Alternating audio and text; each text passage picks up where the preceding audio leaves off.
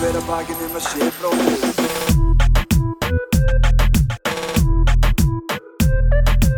Fyrir hver að bakinn um að sé bróðir eigi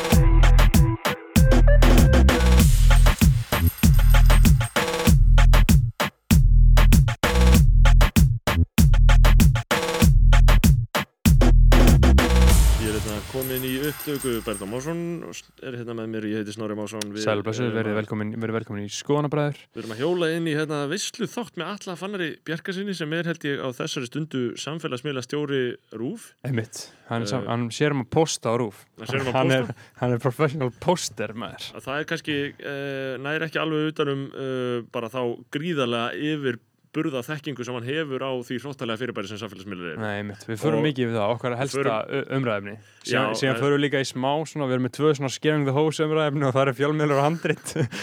Nei, og við, við fórum heldur vel í fjölmiðluna en það Já. er bara good shit sko. Já, en sko þarna, bara virkilega gaman að tala við alla uh, og king shit. við erum að fara hjólinni þann þátt. En fyrst ætlum við að nefna hérna við ykkur snögglega að við uh, myndum aldrei fucking auglýsa í skoðanabræðinu Nei. við, við gerðum það, við viltumst út að leiðina á sínum tíma en, samt bara eitthvað ekkert Nei, markvist það var mjög rétt svo það var bara eitthvað smá og það er, það er heldur ekki útilokað við munum ekkert að reyna að gera aftur Nei, nei, skilur, sjá, sjáum til.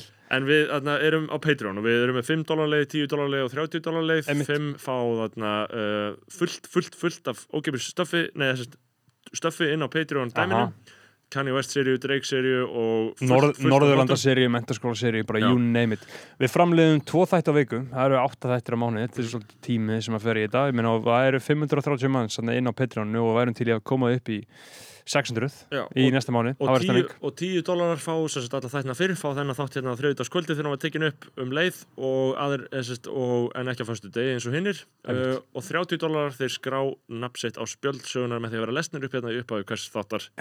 Og það eru Andrea Diljá Edvinsdóttir, Andrés Jónsson, Ari Helgason, Arnór Hafsteinsson Benedikt Bjarnason, Björgvin Helgi, Björgvin Ívar Baldursson, Brynjar Guðmundsson Brynjar Tumason, Erik Ólaf Eriksson Geoffrey Huntington Williams, Handból CBD, Olja respect, Respekt, hann borgar 40, aðeins meira en 30, mm uh, Hjörtur Páll Hjartar, Haldón Svensson tónlistamæðurinn Dirb, tónlistamann Dirb ég held að ég sé ennþá með heyrnatóliðin ef þú ert að hlusta.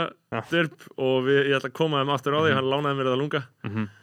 Uh, Júl Donutin, uh, já og Jóhannes Haugur Jóhannesson. Mask on Iceland, aftur ég er fucking fílaða mér, ef þið eru pl viljið plugga einhverju, eða þú veist, auðvitað fyrirtæki ykkar Smellt eða ykkur eitthvað, beint inn á Patreon með ykkur, við Já. elskum þetta shit.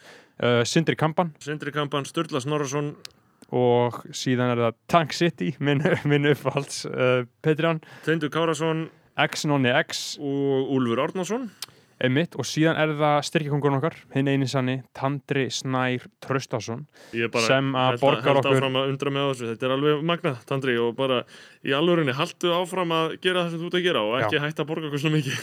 Ég fucking elska þetta shit. Mm. uh, Hann borgar okkur 100 dólar á mánuði og hefur gert það eiginlega bara frá því við byrjum á Patreon. Já, eitthvað svo leys Tandri Snær Trausta, uh, kongurinn sjálfur takk kærlega fyrir þetta löngu, sko, það er löngu orðið óumdelt að þú berð höfuð að herðar yfir Jóhannes Haug Jóhannesson leikara. Já, já, hann sigraði hann sko hann Já. sigraði hann sko En uh, njótið samverðina með mér og Berþóri og Alla Fannari. Fyrir hver að bakinn um að sé bróðir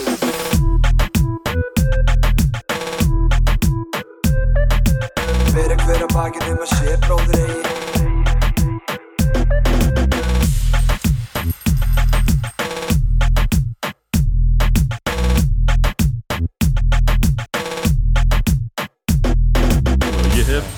þegar ítt á upptökuna, við erum, erum komnir í loftið. hérna með Alla Fannari Bjarkasinni. Velkomin Alli. Takk. Uh, 123 smitt, það er eiginlega sko, veist, það er samt þannig að maður getur ekki ekki sett sko í upphafi þáttar. Nei. Að það hafi greinst sko fleiri smitt í dag en nokkur sinni. Nokkuð tíma fyrr hvernig líður okkur með þetta? Já. Ég, ég var að keira hingað, keira í gegnum miðbæinn, þar sem það var bara, bara, það var allt í blóma, Mhm. fullt af túristum og ég bara fekk svona bara smá lítið hjarta að sjá allir vera að taka myndir og ég var stoppandi fyrir túristum bara 5 metra fresti, Mhm. veifand öllum, uh, veitingastæði, fólk satt úti, það er sól úti núna. já, já. Já, það geggja við úti, maður er í göngutúr og maður bara svona sól í sinni Já, og ég held einmitt að við vitum ekki hvað er að býða, ég held að við vitum ekki hvað býða okkar sko. já, er, já, þetta er svona auga, stor, æð storm Já. dæmi, sko. Þú veist, en þú veist, ég veit ekki, ég vona innilega sko, Sko. en þú veist, málið er að það er bara svo fokkin fyndið að við erum búin að tala endalaust um sko bara hvað, já, ég meina þegar bólusetningarna verða góðnar þegar, og svo bara er þetta að gerast, þú veist, og maður getur eiginlega ekki alveg líst í hvað þetta er umrætt, sko Já, ég er anti-vax, anti-mask, anti-allt, bara let the bodies hit the floor, sko, Já. þú veist, nú það fólk bara að fara að deyja, sko. En þa- það var eiginlega, bara fyrsta skipt í dag sem við fengum eitthvað svona eitthvað smá spæs í umræðu um anti-vax á Íslandi, sko Já, einmitt. Já. uh, þegar einhver svona smá Já. prominent Já. þarna var anti-vax Já, fucking kongurinn sjálfur, nökkur fjallar. Hva, hva, hvað finnst ykkur hafa gerst þarna? Þetta, þetta var sem sagt hann ef maður lýsi fyrir hlustendum eða hlusta eftir tvö ár, þá var það hann að það það svona surfaceaði, það fór það mynd af uh, nökkva þar sem hann hefði sett, var spurður í Instagram story bara mjög sæklinslega, þetta var nökkvi fjalla sem sagt, uh, hvort hann væri, að, hann var spurður bara hvaða bóluefni hann hefði fengið sko.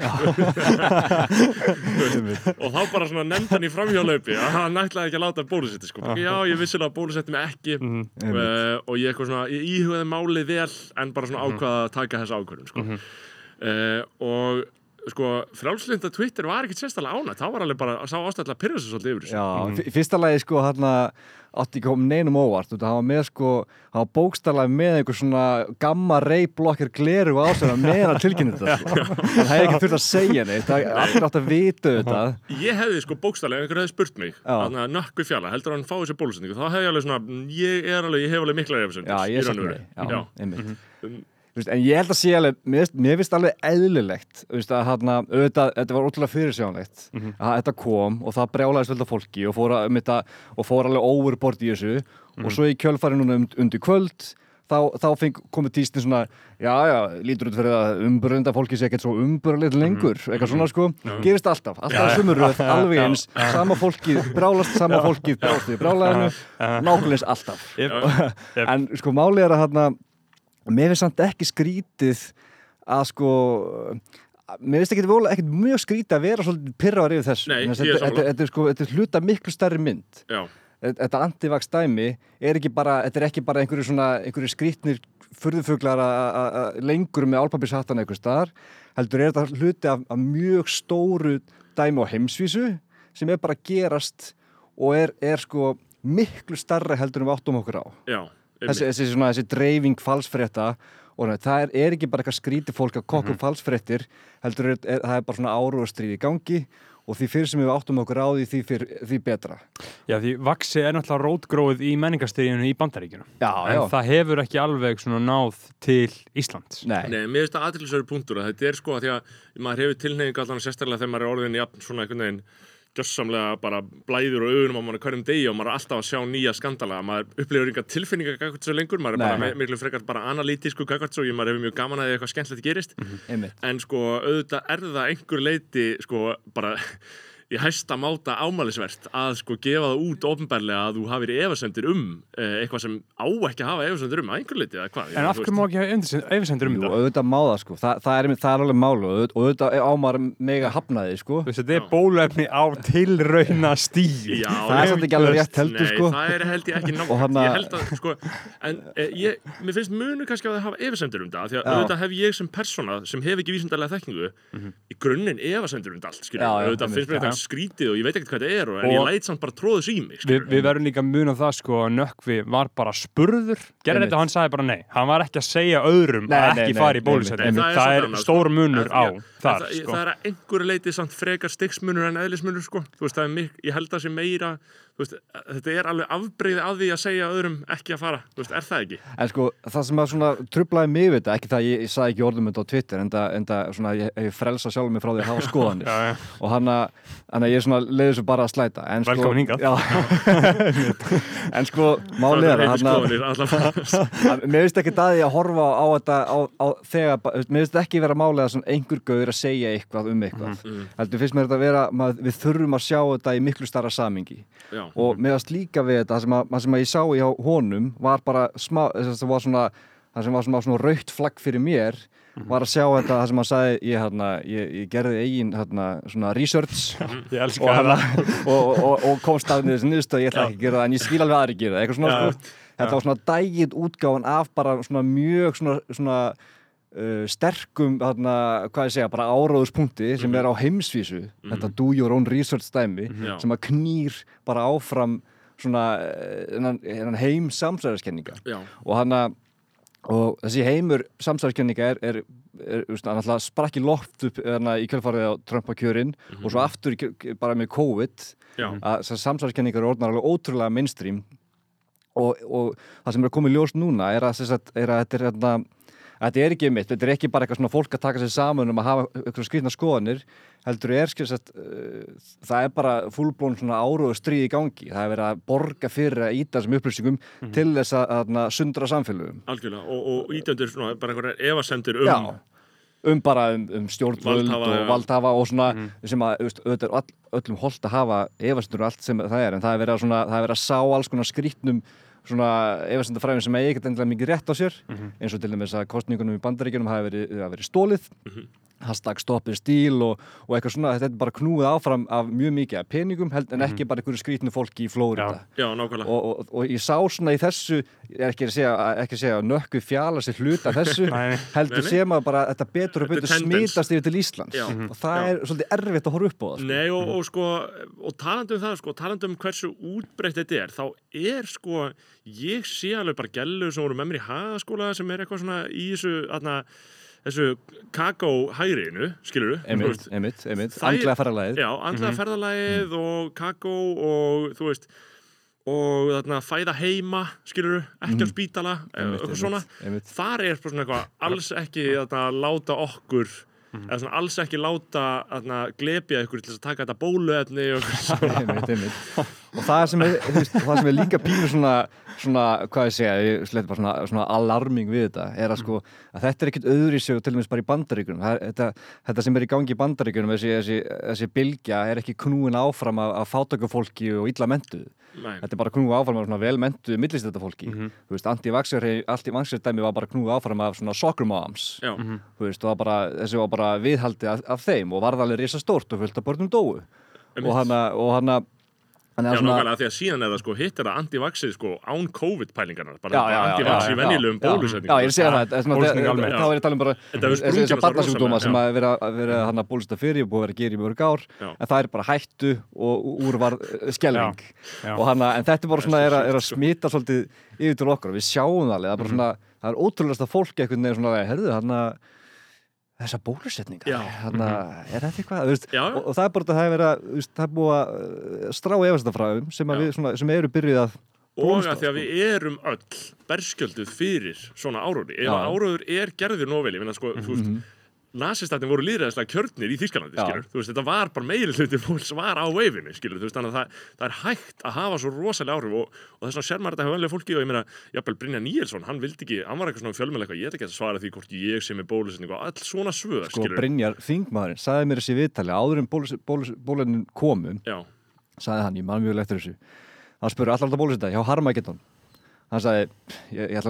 all, Nei. þannig að Þingmaðurinn sem á svona að fara fram fyrir Ja. skjöldu Mhm. Vist, kannski fannst tónum að þessi efni voru að fara að drepa fólk en hann vildi að fyrsta annað fólk myndi drepast í staðan fyrir að vera svona vera hugsunamaður sem myndi svona fara mitt fram fyrir skjöldu og Vinna- fyrir ég ég og- taka þetta á mig sko Já. Al, al, almanahagsmunur og allt þetta að Já, Þóról, já. Þóróli Guðnarsson, hann sagði strax sko bara að koma með þetta AstraZeneca og Já. fórum tróðið í Já, Kári og svona alvöru menn en Brynjar auðvitað chicken áttu þessu sko. en, en þú veist, er, þannig að maður sér þetta þetta og það er, mér finnst það alveg verður punktur að, sko, eins mikið gaman að maður getur haft að því að nökkur fjallar sé antivax, ég dýrka það á, á vissan hátt, skiljum, bara væpið.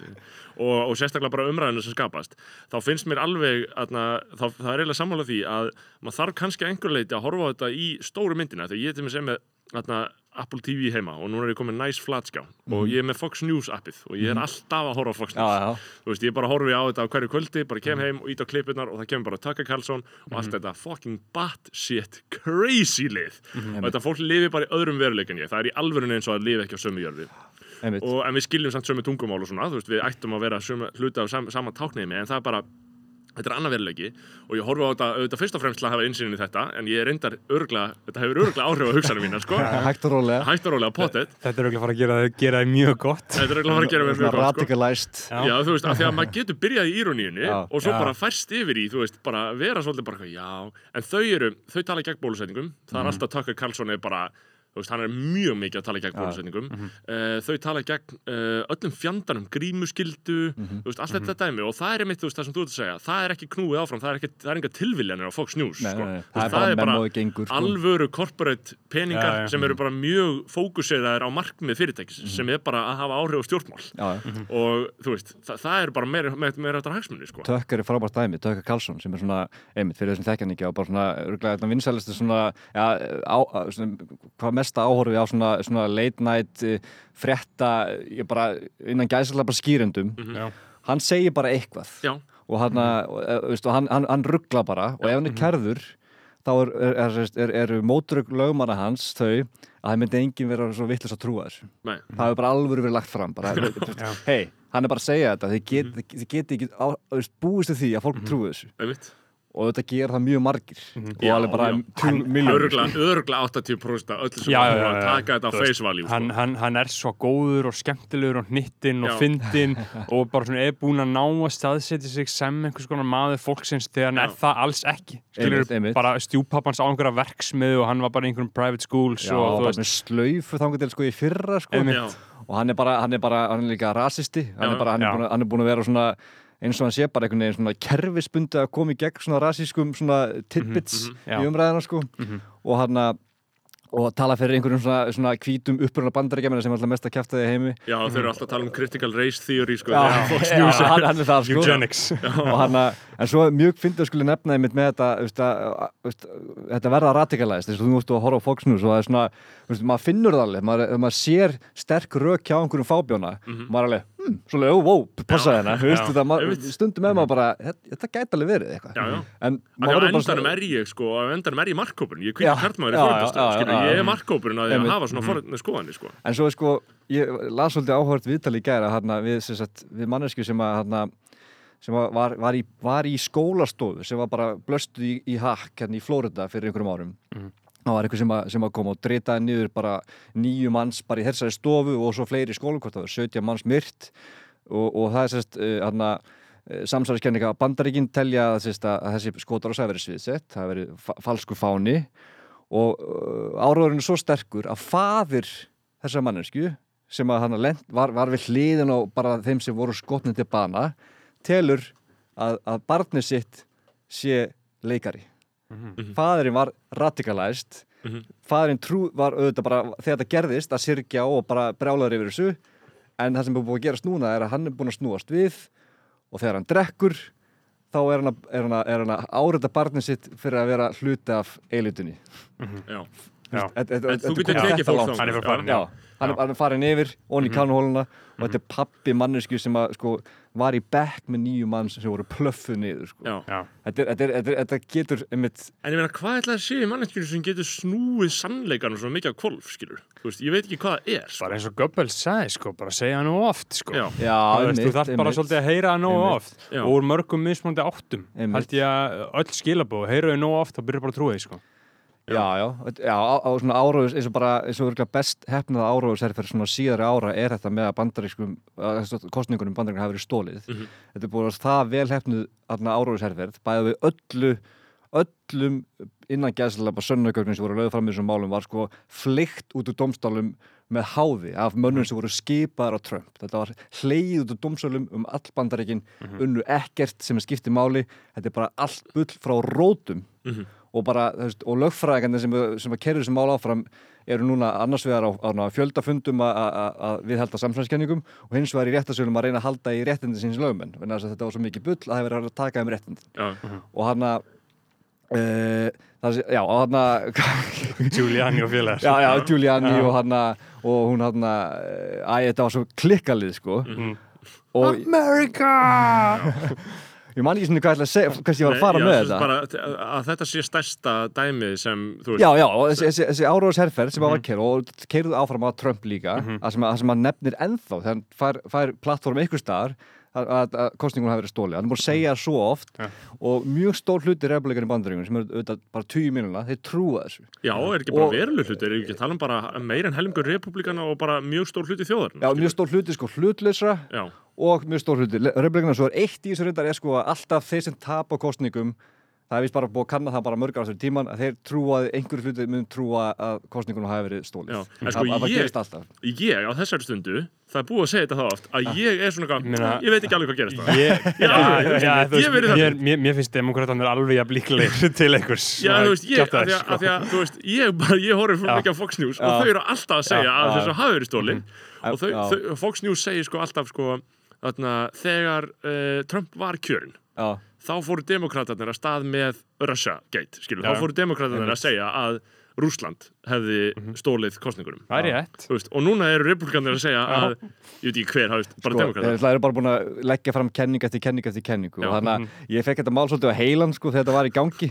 Ég var bara, sérst, ég var á Twitter byrjaði bara, ég bjó bara til sko Twitter lista sko lögumónum sem voru sko að fara í gegnum dómsmálin. Og það er, ef maður tók þetta þaðan bara í gegnum sko réttasalina Já. þa þá, þá var yngilega þessu Akkurat. þannig að það var bara Það er mjög áhugavert, sko. það voru mitt bara menn sem að bæði sko Obama og Bush og hana, Trump skipuðu, bara Mhm. margir sem Trump skipuðu sem bara sá þessi mál og voru bara að lesa yfir lögmannum sem bara höf, sem voru að dirfast að leggja svona rugl fram sko. Já. það var og mitt öll sönnugögnin, allt þetta, þú veist, þetta var allt sko svona doctored evidence, þú veist, það var alltaf ef þú sást mynd, myndskeið þá var þetta alltaf hluti á 20 minni myndskeið sem að útskýra þessi fullkomlega sjálft þú veist, ef þetta var hann að þú veist, það var að tala um kostningavelnar og það var hann að þú veist, ég sá mér að segja, sko, ég horfði bara upp á samstæðarskjöningu verða til. Já, að þess, það var, ég sá þingmann í bandaríkunum vísa í eitthvað sem hann las á Twitter um að, um að hérna, bandarísk, að CIA að bandaríski herin ykkur er ráðist inn í, hérna, í höfustöður á CIA í Frankfurt, eða nei, höfustöður hérna, þessar kostningavéla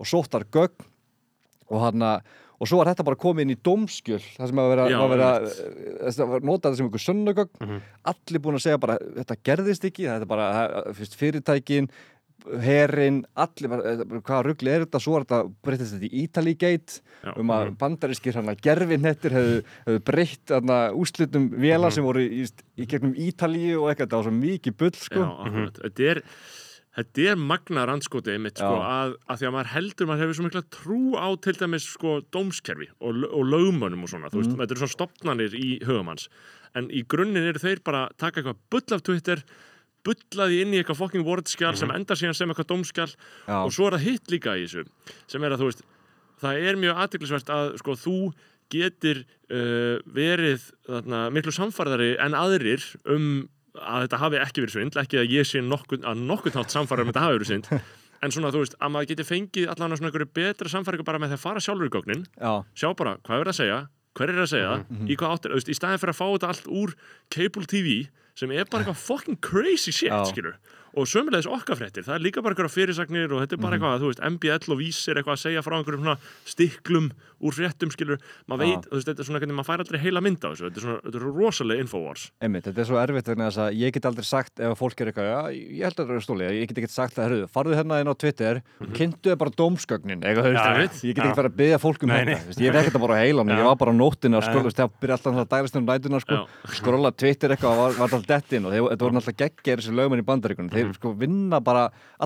var, var alltaf þeir, Mhm. sofi ekki neitt? Þeir, bara, þeir voru bara á á dag- sko. já, já, á da- daginn voru þeir bara einhvern veginn í einhverjum dómsölum og svo á kvöldin voru bara, ok, ég hef smá tíma þetta það fari gegnum þessi, þessi 300 skjöl Mhm. og segja ykkur af hverju Trump mun ekki vinna þetta. Og Mhm. mm byrja allt að segja bara já, ok, það kom nýtt mál hérna í hérna, Arizona. Mhm. ég skal segja ykkur af hverju þetta er mesta kjartaði sem ég séð.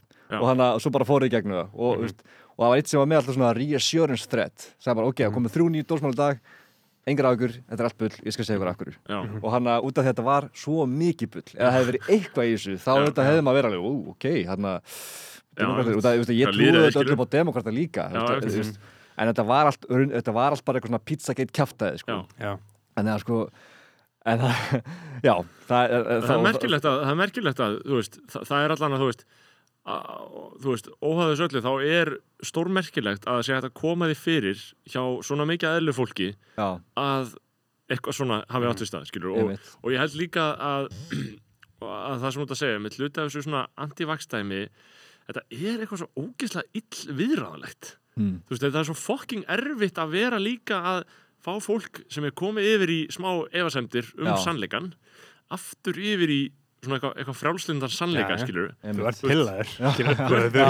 Þú tekur pilluna, það er ekkert að fara að breytast og, og sko líka, þú veist, að því að þú veist, þetta er alltaf svona byggið þetta á, veist, vil ég ekki skoða ég, ég sem fjölmjölamæður bara, ég er alltaf að fá pósta, sko, akkur eru þið ekki að skoða þetta hér? Já, einmitt, einmitt. Það er alltaf presentar bara, akkur eru þið ekki að fjalla um þetta hér og Einmitt. svo er manni sendt, sko, þú veist, bara, það eru dæmis bara, það eru svona ákveðnir, góðvinir uh, Einmitt. pósthólfuna hjá fjölmjölum sem senda manni, sko, magnaða pósta. Já, og rítgerðir upp á fleiri tugi blaðsina sem þau eru búin að setja saman úr einhverju kjaftaði já, já.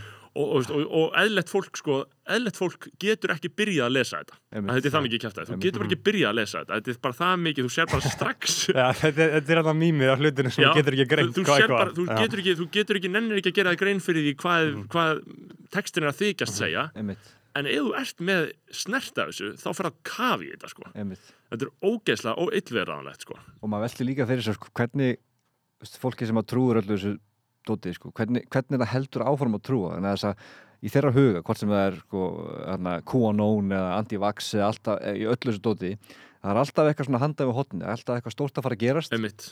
Og það er svona, sem, svona gulrótin sem að teima, þau áfram sko veist, eins og með QAnon er búið að vera sko 7. janúar, það er búið, veist, það er búið að vera veist, það átti að vera núna í apríl átti Trump að taka aftur við þú veist, það átti bara allir að koma herrlög og búm bara taka, það átti Já. bara að fara að gerast sko Já. trúa því alltaf sko og hann að það er einhvern veginn, maður skilur ekki alveg af hverju, staldri ekki við eftir eitt af þessum augnablíkum að það gerist ekki þessu halda að fara að gerist, gerast. Örgulega svo Og bara- fokkin leiði alltaf verið í hóp og fá vonbriðin alltaf já, já, Já, þá er það, ég held að sé alltaf eðla skýringar á öllu Já, það, það, bara- það, það, það er það sem er kemur, það kemur alltaf. Eins og Mhm. núna, til dæmis eins og með bólefni þá var, manni hvort það hefði verið, þú veist hver það var, þú veist, þessi- Bergmann kona eða Axel Pétur einhvers sagði að, þú veist, að við, við myndum fá þessi bólefni við erum öll döðið til þrjú ár. Mhm. þú veist, þarna er alveg komið búið að kaupa sér þrjú ár af Já, já, já. efasendur, sko. Já, já. en svo er spurning hvað gerist, þú veist, 2024 Já, og á þegar við erum ennþá lífið, sko. á þessum þreymur ánum þá verður bara sami eitthvað nýtt koncept skilur sem tekur við bara um leiðu þetta er búið skilur. Þannig að það var mjög fyndið þar allir fóru að gera grína þess að sagt bara jæja sjáumst. Svona bara búið búið fyrir Já, Já, já. En sko, uh, aftur að þessum með nökkva aftur, að þessum með nökkva uh, Ástæðan, sko, mér er náttúrulega ofbuð og ég deaktiveitaði Twitter út af þarna, bara hvernig viðbröðin við þessu Já, voru já. Nökkvi er bara einhver gaur sem situr við bara spurður að einhver, hann svaraði Mhm. og fólk gjörsamlega trilltist Já, það er bara allir helstu bara menningar stríðsliðar landsins Já. úr bara öllum áttum Mhm. réðust bara gjörsamlega á hann Mhm. Og þú veist það er alltaf magna að bara frá því í grunnskólum bara allstaðar, sá sem er lagður í einhelti hann er alltaf öðruvísi skilur, Mhm, mhm. Til þess að einhver sé lagður í einhelti það verður að vera öðruvísi en allir hinnir Já, nákvæmlega. það er bara er alltaf hannig og einhver eitt gerir eitthvað smá öðruvísi þá bara gjörsamlega trillast allir Mhm. og ég sá það með þú veist, ég sá eitt tweet sko ástæðan að ég deaktivita það því að ég var næst, ég byrjaði að tweeta eitthvað til skilur, en ég vissi bara að það myndi, þú veist, ekki það vera myndi miskiljast það myndi Já, ekki, ekki vera sniðið sko myndi ekki fatta pælinguna Nei, sko. þa- þannig, að- þannig, og ég veit ekki sem sjálfur pælingar mína sko, þannig að þú veist, nei. það var bara gott að gera ekki sko en þú veist, ég sá bara einhver gæja að tweeta að hann var búin að hugsa sex mismunandi nýðtweet á nökkva en núna þarf hann ekki að gera því að auði blöð er búin að því skilur einmitt, einmitt, einmitt. og ímyndi ykkur fyrir nökkva sjá bara, bara tweet frá auða blöð með 2000 likes einmitt. að Það er komið svona mörg læk Já. Já, hann alveg, Já. hann alveg, já. What? hann, hann að næleita hann og Já. það er það Hann er versta líka, líka reyndar að hjóli áttuna Það er líka, það er trope sko Já. Það er mjög easy likes einmitt, einmitt. En, en, en, þú veist, en það er aðalmáli því að ég hugsa bara fyrir nökkva skilur. það er ekkit endilega öll tweetin, það er líka bara lækin skilur, Mhm. að fólk sé bara tilbúið að taka yfir neitt gauð, bara ok þú veist, eins, eins og voru að tala um, sko, þú veist on Twitter there's one main character and the goal is to never be it Já, every day. Og í dag var nökkvi main character Svolítið sko. Og hann fór na- alltaf inn á svona, eiginlega bara svona jarðspryggjusveða, jarðspryggjusveðana sko, Já. á, á þessum, þú veist, þetta var, var, hann var rángumar og rángum tíma Já. Já, það, hann er inn, þú veist, þetta er, það það snýst allt um samstöðu í dag sko, Já, það er annars gerist ekki neitt. Nei. Já, og svo kemur, kemur, kemur þessi gaur já, með þetta, með þetta, með sitt, sína Instagram síðu Já, og, já. og gamma glerun eða hvað sem Já, það já. heitir. Bara eitthvað gaur og optimæsa já, og, og segir þetta og, þú veist, og einmitt, og, og allir, allir, allir snapp og einmitt, sjálfum finnst mér svona einmitt, þetta, þessi, þessi gjössalega snapp menning er auðvitað, Já. fer jafn mikið í töðar á mér og, og mörgum öðrum sko Já. en svona, en, en, en sjá, sam, á hinbóin finnst mér samt að með alveg með skoða það sem hann segir í miklu stærra samingi heldur en gauður að svara spurningu á Instagram Já, og, og, og, og þetta er líka bara svo stór hættilegt sko, því Twitter er svo ótrúlega eitraður miðl Já, já. fyrir svona dót. Mm, mm. Þetta væri annað, ég myndi ykkur að myndi geta og myndi fá nokkra greinar í blöðin gegn sér fyrir 20 árum. Bara ok, Já. fair enough. Það verið mi- miklu gagnrýni. mildara cancel, sko. Já, já. Það hefði verið líka einhverju þunglendi pislahöfundar sem væri búin að vera eitthvað að skrifa pisla í 15 ára og væri bara geðið þunglindir, skilur. Þeir væri of þunglindir, þeir hefði ekki orku. Nei.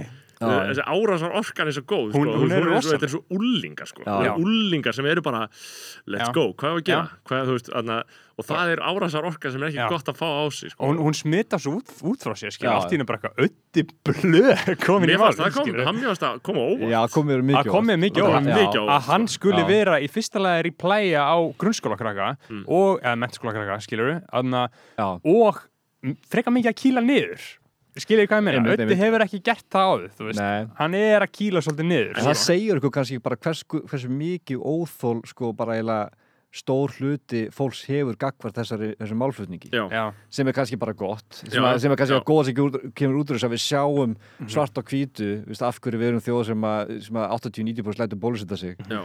að hann að meiri sér auðvitað blöð er til í að- uh, fara þess að hæða og deyja á henni já. sko. Og, og, og síðan er þetta líka gæ- gæti verið sko uppbyggð uh, bara reyði og pyrringur í samfélaginu gangvart nökkva hann, Já. þú veist, fólk er svolítið búið að vera að býða Hann er líka búin að fara svolítið djúft í kjálkafræðin, kjálkafræðin og er bara svolítið mikið í kjálkanum og er bara, þú veist, þetta er orðið svolítið skrítið allt dót og óskilinlegt svona það sem nökkur að gera, einhver leiti fyrir mörgum. Fyrir mörgum, já. Já. Þú Veist, fyrir mörgum þá get ég alveg trúið af hverju, af hverju þetta ætti að fara í taugunar af fólki. Hann sé bara að konga yfir sig og Tony Robbins á Miami að hoppa, skilur ég, ég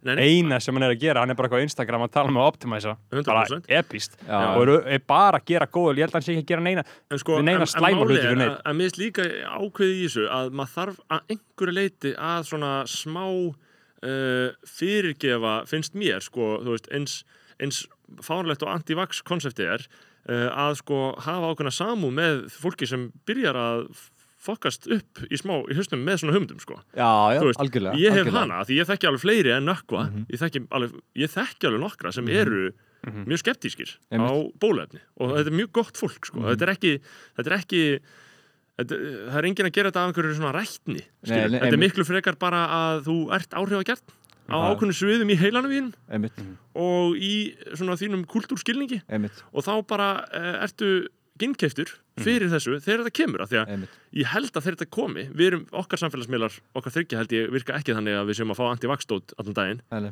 en aðrir ef þú byrjar að fara onni í þetta þá bara held ég, Já, kemur þetta, kemur þetta, kemur Já, þetta já, sko. einmitt. um, og við veitum líka alveg að hann er ekki að fara að skipta um skoðun út af þessu Twitter, Twitter, Twitter atna, holskeplu, hann er að fara, er að fara að styrkjast ennþá betur í, í, í, í sínum, skoðunum Já. sko. Og, veist, og það er, einmitt, e- þetta er ekki að hjálpa neinum. Nei. þetta er bara uh, að framleiða ykkur læk en það fló, en, það er og en líka flókið að hugsa eitthvað upp betri viðbröði þessu, skilur ykkur, hver væri yfir viðbröði sko. en þú veist, en Beggi, þú veist, ég held að líka að við þurfum að, þú veist um, fatta að það er smá alvöru alvarlegt að allir verða að drullast í bólusendingu ég já, held að, já, veist, já, já. ég, ég held að við þurfum líka að hafa það alveg hreinu, þú veist, að, Einmitt. Þetta er vesen, COVID er ennþá vesen út af fólki svo nökkva já, Já. það er bara staðan já ef, að- ef, að- ef, að- þú veist, við sáum hvernig Er það, bólusendingar er það fakt? Já, ekki kannski, ekki nei, kannski but- nákvæmlega hér en þú veist, ef Nei, ég- er að segja í heiminum.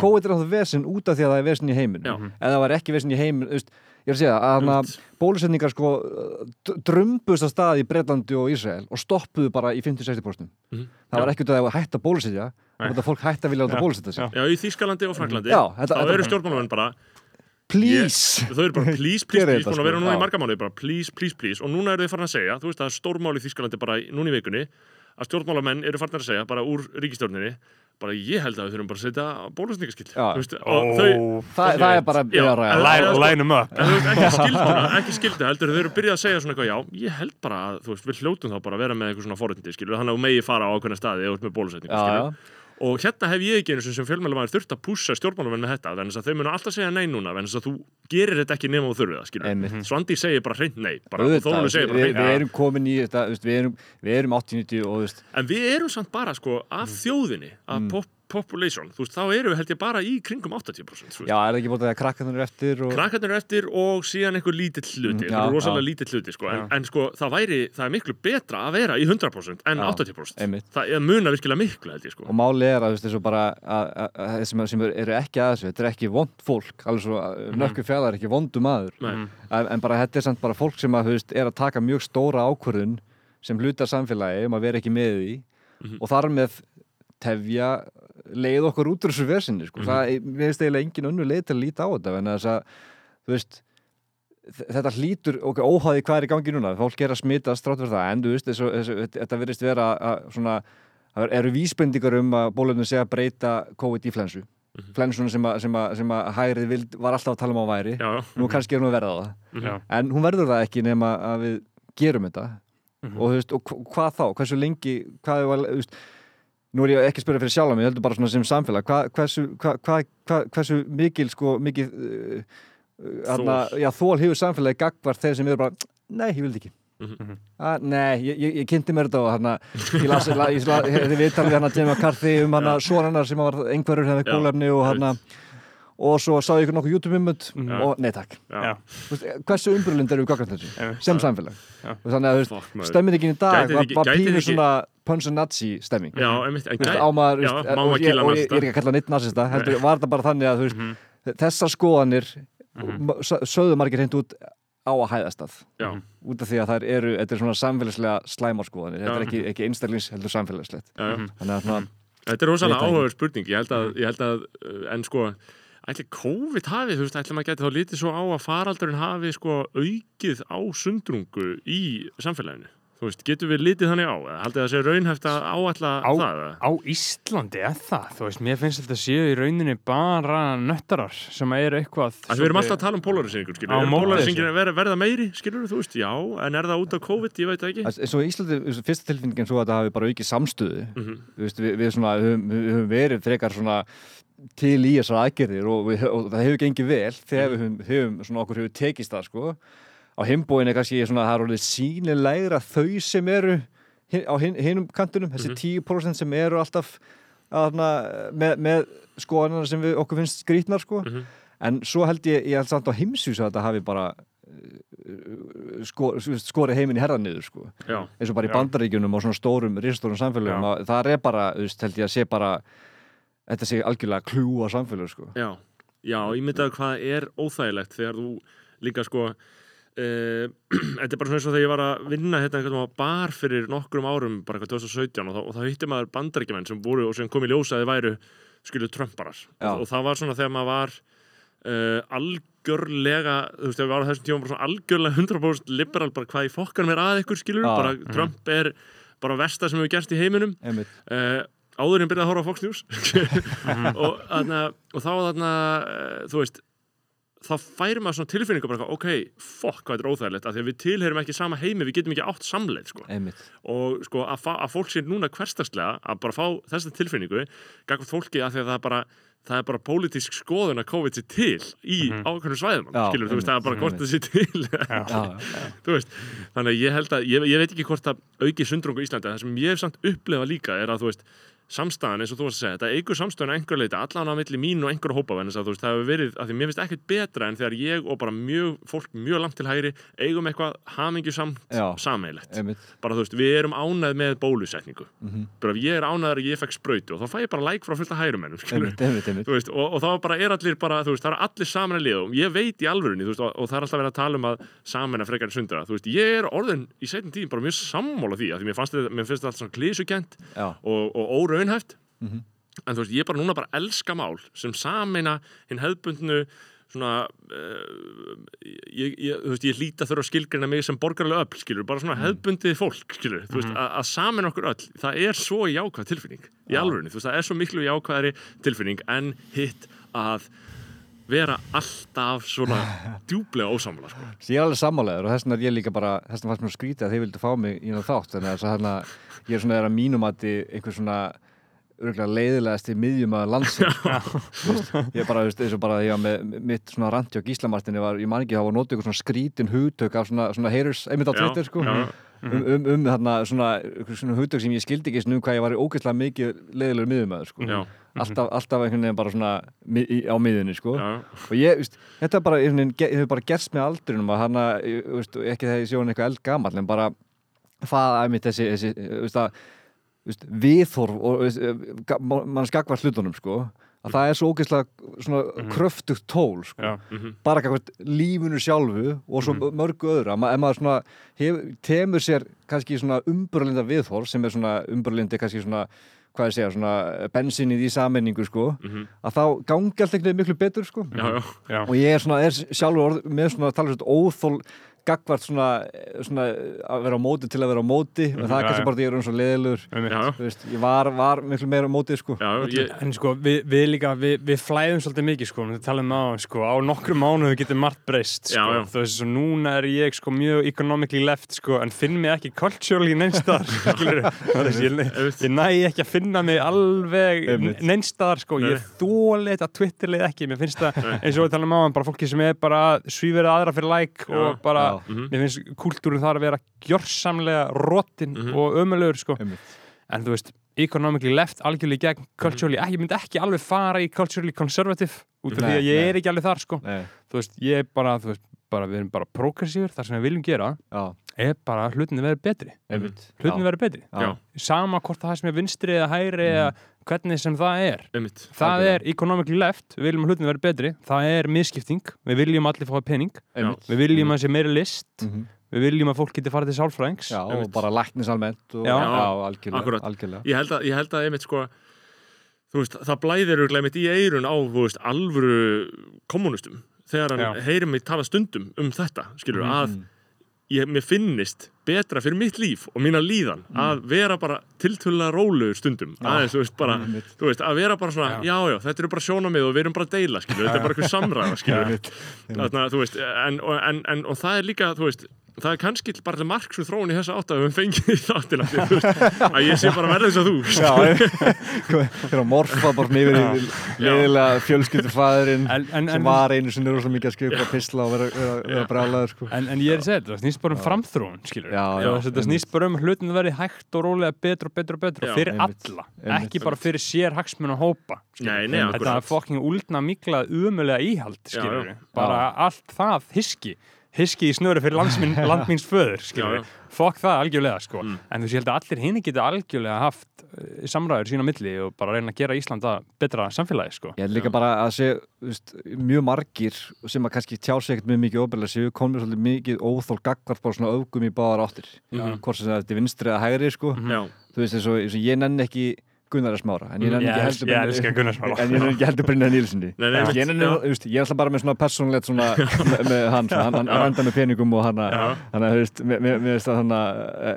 hann finnst rétt á því, sko. ekki góð guður sko. Nei, en, hana, en, en svo, einmitt, svo með Brynja Nílsson heldur sko, ég hafði rosa mikið humor fyrir honum einu sinni Mhm. En svo byrjaði hann svona fyrir svona þreymur árum, fjórum kannski að svona kerfismynda að grafa til dæmis svona fjölmjölum mhm, já, já hann er bara svona, hann er svona, svona sé bara, eh, þetta er bara orðið mjög markvist hjá honum sko, Já. Já, já, og þá finnst mér hann allt í orðin svolítið, svona, svolítið hættulegur. Mhm, og það, þetta er svona, það sem hann segir er oft svo mikið bull en er með svona svo margir sem meðtaka það, sko. hann er Já. svo, Já. svo öfgari báðar, og ég vil meina báður hóparnir sko, góða fólkið og, og vonda fólkið hvað sem við kollum það sko, sér henni jafn viðkvæmt. Mhm, Þú veist, ég, ég hef alltaf sagt að Brynja Níelsson sé sko, viðkvæmast eða landsins sko. Hann, hann getur ekki heilt hluti á þess að brjálast fyrir hönd annar Mhm. sko. Já. einmitt. og bara, var- hann- það grenjar engin meira á Facebook en Brynjar sko. nei, nei og, og ég, en sko en að því að ég er einmitt, sko, ég er örgulega því að, að því að e- ef við miðum við að, að ég sé kannski svona 7-8 árum á eftir þér bara í öllu þessu veist, ég hef ennþá húmor fyrir Brynjari, ég lesa það sem að skrifa Já, já. og ég bara svona, já, þetta er bara til dæla að fyndi og svona, þetta er svona punktar sem ég skil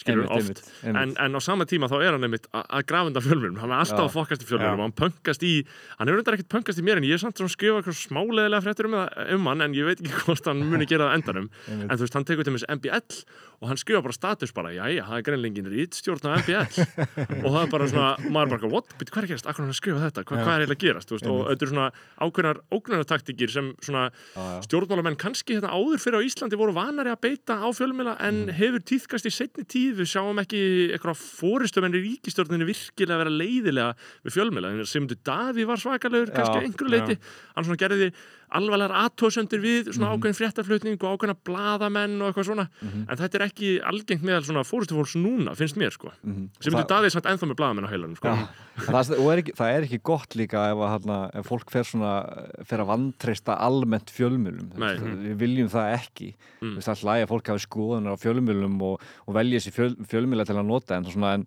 en eins, og, eins og Brynjar hefur verið að tala þá er hann svolítið mikið svona að grafa almennt undan fjölmjölum Mhm. og svona eins, og, eins og til dæmis þegar hann talar um hana um þú veist, þá finnst honum það allir lægi sem að samæri gerur það, það hefur um öll fjölmiðlar. Já. og hann lítur á, á, á þessi, þessi nýðmumbönd og þessi verið að stolka Helga Seljan sem bara svona eðlert viðbræð við, við, við fjölmiðlum. Og veist, og það er, þetta er bara mjög hættuleg skoð til að hafa sko. Og það er fullt af fólki sem tók undir þetta hjá hann Já, já.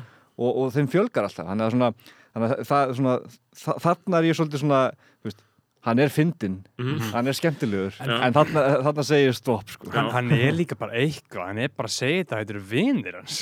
Já, skiljið hvað já, minna, hann er bara þetta er bara homies í samherja, bara auðvitað bakkaði það upp skilur, það er þetta er ekkert mál, hann er bara eitthvað. Þetta væri eitthvað annað fyrirtæki, þá myndi hann ekkert nenn að fara í þetta stríð. Nei, nei. hann er bara, þú veist En ég held samt bókstala að hann þekki samir fólk ekki það vel, hann er samt bara peppaði sko. Ég held, ég, ég í alveg að sé ekki mikil teist ég held bókstala í þessum máli sé ekki mikil teist en, en hann er, þú veist, ég held að ég held að þetta eru línu þar sem við skiptumst eftir, sko, veist, þetta er bara Já, þú veist, og, og þetta er það samfannandi líka að, þú veist, ég horfði á þetta kastlusviðtal við Brynjan Nilsson og ég man ekki hver á með honum í setti uh, Þó- Þóru Snær. Uh, ég horfði á það viðtal, þú, þú mun alltaf manns hverju voru þú fóðið að sjópaði góða mynda þessu. En nei, þarna, ég horfði á það viðtal og svona, mér finnst sammála öllu sem Þóru Snær saði eins og svona í flestum tilökum og uh, þarna og samt svona bara eitthvað Brynjar að segja að fjölmælamenn séu alltaf að væla og ég er svona hef alveg gaman að því að þegar hann segir þetta sko, en að einhver leiti ber að varast þetta. Einmitt. Já, og ég held ekki eins og í því viðtalið ef þú hefði spurt Brynjar eitthvað um þetta mál sem við varum að tala um Mhm. að hann hefði ekki vitað Nei. þannig að hann var augljóslega fullkomlega óundi búin í þessu viðtali og mætti bara til að mæta. Mhm.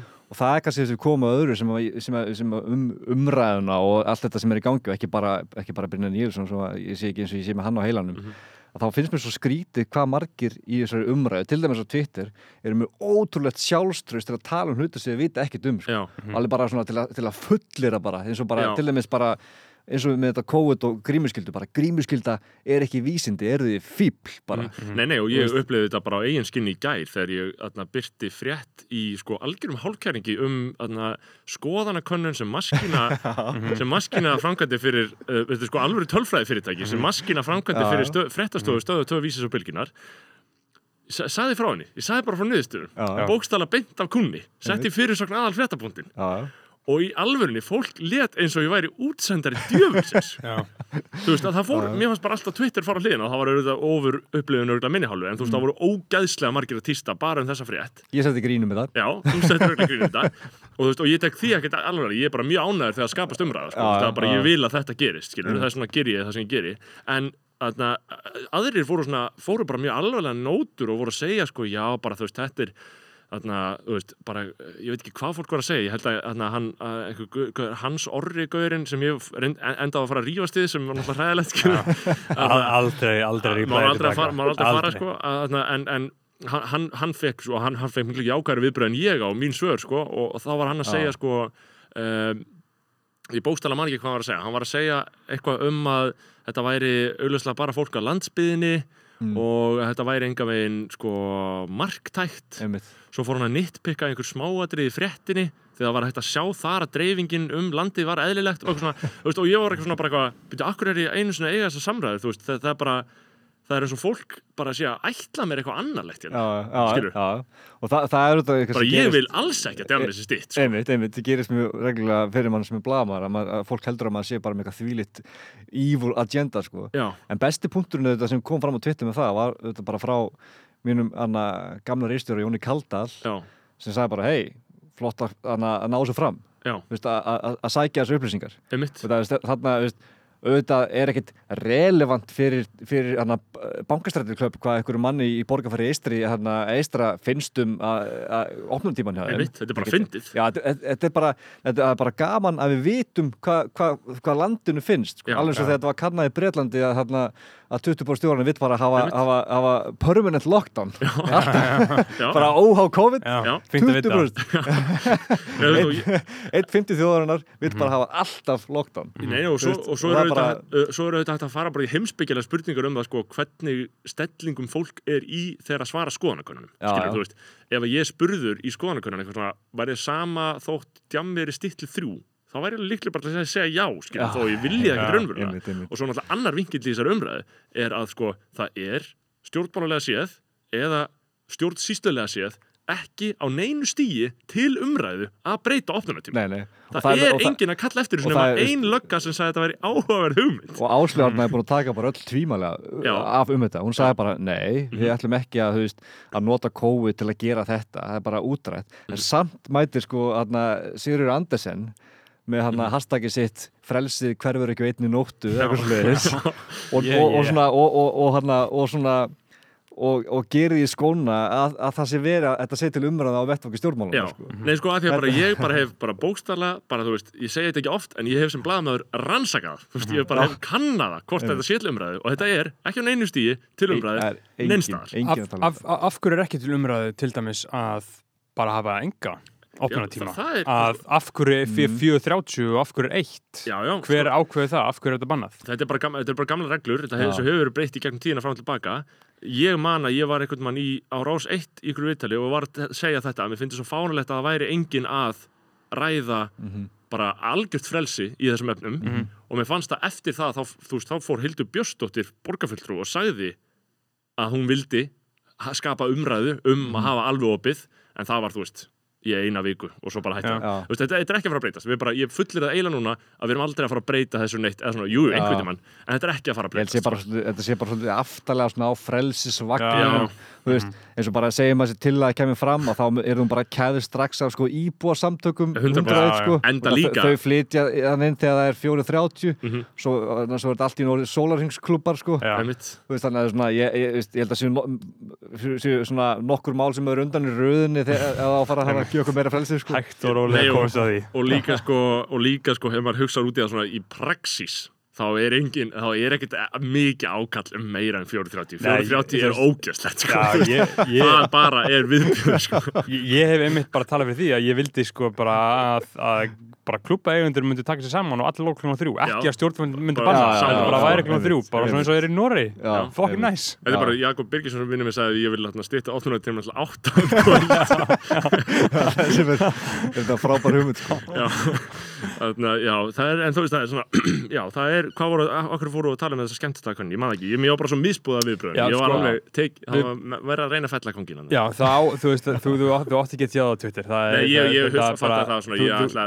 það að að þú þú, þú, þú ekki að það er, það- það að það þú að fara að rífast við kommenta um eigin frétt, sko, Nei, þú átt eiginlega ekki að gera það, sko. Aldrei, aldrei, Nei. það, það er svo auðmíkjalegt að við erum eitthvað að rífast á Twitter þú já. veist, fucking eignastu líf Þetta sko. fór mikið, þetta tók Þú mikla veist. orku frá mér, sko. Ég var einmitt tekinn sko fyrir það sem ég setti um þetta sko, var einmitt að hérna, ég var eitthvað svona hæðast að þú veist, að einmitt gamla kallinum á Austurlandi það sem er, eru yngi skemmtistæðir Já. að svara þessu sko Mhm. það með þetta bara fyndið og hann og þá, þá fekk ég alveg kommentum eins, eins, og ég sé þú veist auðvitað sko 107, 101 Mhm. hérna sko þó ég sé reynda mest í landsbyðalmaður landsins sko, ég er tvöfaldur sko bæði frá Selfossi og Söðakrúki sko Ok. Þeir vel dört í staði, sko. Ég bara finnur ekki meiri landsbyðið en mig sko Já. Já, og þá svona í stað, veist, ég, ég fekk komment svona alveg, alveg hei, hérna, þú veist, eh, já, bara, bara eitthvað blá blá, svoleið, þið, þið auðvitað hafið ykkar bankastrætti klöp, svona við, og ég svona, við, Þú veist, ég, ég hef ekki bankastrætti klöp og ég Já. svona, ég hefði getað farið hún í þetta sko, Já, Alveg, Já, einmitt. akkurat. afsakaðu, Já. en hérna. Nei, en, en í staðin bara, veist, einmitt, hérna, Já. ég, einmitt, ég hef tamið mér þarna, svona auðmíkt í samskiptum svona við flesta sko Já. og þess svona í staðin fyrir að taka rifrildið þá var bara svona já, kannski hérna alveg he he, þú veist, þá svona taka bara svona léttagurinn á þetta og það, er, það er svolítið bara líf mitt núna, sko. Það er svona í 90% tilvika þá nenni ég ekki slagnum, sko Nei. sem ég hef tekið alltaf fyrir, sko, tíu árum, sko. Já, já, akkurat bara í, í döðlu sko, en ég fann það líka, þú veist, bara um leiði fóra þú veist, Twitter er svo eitrað, um leiði fóra að svara þá fæ ég mér svona, bara svona, ég fekk bara svona þunga í líka Já. Já, og, já, þú já. veist, nú er ég komin rifrildi og, þú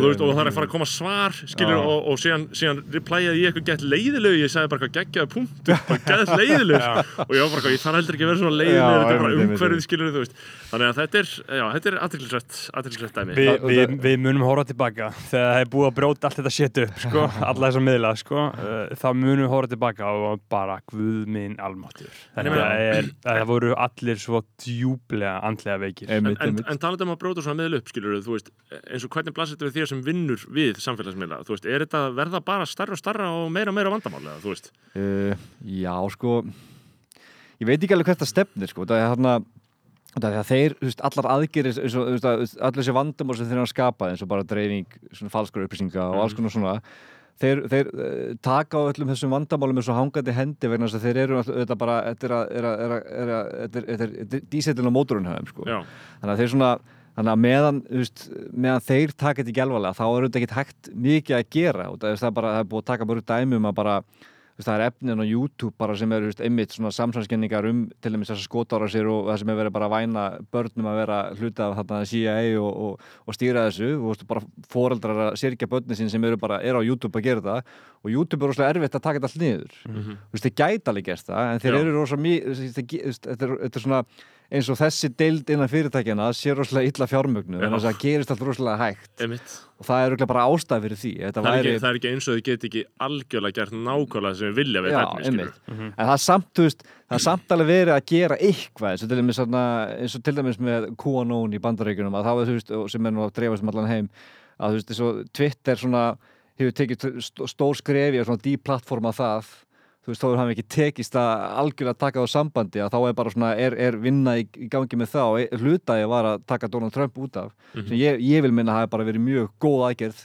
Virðist allan að hafa borið mikinn árangur í að gerði á það að hann bara, þú veist, hann, hann var að nota þessa miðla til að bara, þú veist, til að hvetja til ofbeldis og það er bara staðrind og hann, hann það er staðið. já, já, og hann að en þú veist, og það nota sem dæmi oft þegar hann að, þú veist, við heyrum ekki mikið af ISIS Mhm. þú veist, núna og Twitter hann að tóka því á sínu tíma.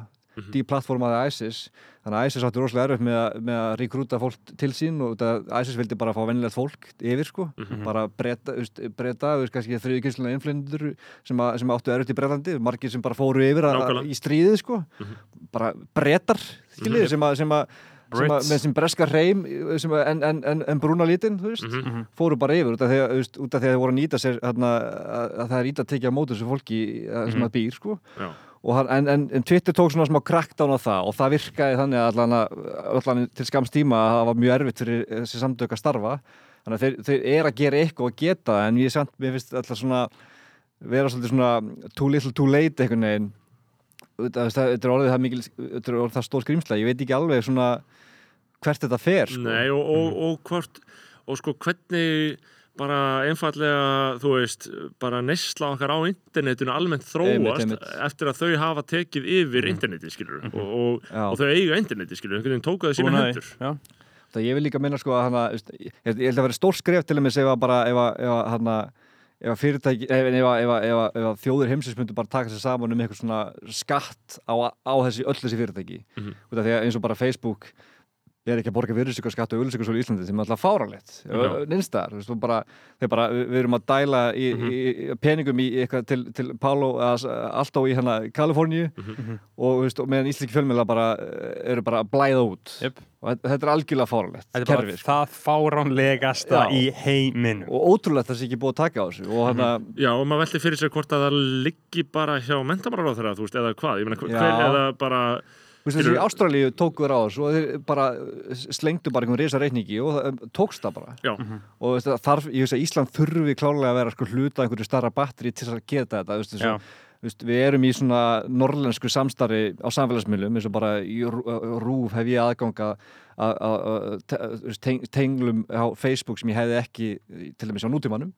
Veist, það, það er svona nordisk samstarf og það, það er eitthvað þannig í gangi en þú veist, það ætti að vera eitthvað svona allavega norðlanda þrýstingur og, og það, ég veit að það er eitthvað svona byrjað eitthvað Európa þrýstingur og ég held að það, það muni alveg klárlega gerast eitthvað í þeim efnum að, að þessi fyrirtæki verður rukku meira. En það, þú veist, óskiljanlegt að það sé ekki búið að gera þetta fyrr á meðan þau eru að mala gull bara, bara einmitt á því að dreifa efni annara Þú veist, við, við, Nákvæmlega. við erum öll í vinnu Já. og fjölmiðalnir og allir sko og Við erum öll í vinna við erum öll að gera þetta ákipis sko. Já, og svo bara, þú veist, fara sér millir maður einhvern í game og Já. skelli hlægandi, sko. En, hana, en svo var þetta bara hvernig við notum internet. Þetta er alltaf, það er svo, mar, svo útrúlega hvernig þessi fjölmiðlar eru búin að breyta bara til dæmis, er- er- hvernig þessi miðlar eru búin að breyta til dæmis bara fjölmiðlanleyslu. Mhm. Að hana, uh, eins og bara, ég, ég byrjaði minn fjölmiðla fyrir á dagblæði og þar, þegar maður, þegar maður vinnur, er að setja fréttir í dagblöð, þá sé- sér notandinn eða lesandinn, sér bókstarlega hversu stór fréttin er, vegna þess að hún er bara bókstarlega stærri en aðra fréttir á blaðsíðunni. já, Þannig virkar það. Stærsta fréttin er stærst, næstasta fréttin er næststærst, þriðastasta fréttin er þriðastærst og koll á kolli. og hvar hún er í blaðinni Já. þá, skilur Og þannig var þetta í mörg ár, 10 ára, 100 ára. Já. Og hann, já, og hvað hún er. Hann, þetta var bara svona kerfi sem síndi okkur hversu mikilvægt, mikilvægt fréttinni voru og þetta, þessna, og, veist, og reyðstjórn ákvað það og þetta var mjög flott kerfi og hann og, og, og, og já, að mínum mati. Mhm. eh, það sem interneti og svo samfélagsmiðlar eru búin að svona undistrika er að allar fréttir eru orðnar svona jafn stórar Mhm. þú veist það eru þarna allar fréttir líta eins út á Twitter en á Facebook hvort sem það er frá þarna vísi.is eða ringbraut eða bara fake69.biz Já. Já, já. Þú veist, eitthvað, eitthvað fake drasl Já. er jafn Já. stórt og hitt og þess vegna eru, eru, eru þessar falsfréttir svona trúanlegar, þannig að það líta út bara svo hinna fréttinar Mhm. og sjálfur hef ég unni við markasetningu á samfélagsmiðlunum og ég fór bara til fyrirtæki og ég sagði bara hei, þið þurfum ekki fjölmila við getum bara verið með þarna bloggkerfi inn á síðun ykkar og við getum dælt út efni sem er, lítur út eins og sé fara fjölmilum já, við getum sendt fyrirsögn og mynd og texta og þetta lítur út eins og efnum frá Já. við, við þurfum ekki þurfum ekki að senda út einhverja fréttilingar og vona sér byrtar við bara setjum með þetta á setjum tíu skall að baka og þetta er komið. Mhm. og þú veist, og það eru þetta, eru þetta stór hættulegt en þess að þú veist, Já. það er, þú veist, þa þar með hættir fólk að skinja mikilvægi að mála og ég held að, veist, að, að sé lausnum við þessu veist, að, fólk veist, er að sko út af það er svo mikið að rugglega hana og, og, og, fyrst verður við auðvitað að átt okkar að því að að rugglið er ekki ítt áfram að einhverjum vitleysingum heldur er bara upplýsingastriði í gangi og við þurfum bara vera, vera til í að taka slægin í því. En við þurfum líka bara að þarna gleymi alltaf þræðinum að þarna uh, hvað ætlaði ég að segja? já, sko, ég held að bara það sem við þurfum að gera við þurfum að til þess að reyna að ná utanum sko, mikilvægi frétta Sest, á hverjum stað fyrir sig. Einmitt, og þú varst líka að tala um að bloggfæslunar geti lítið út eins og fréttir.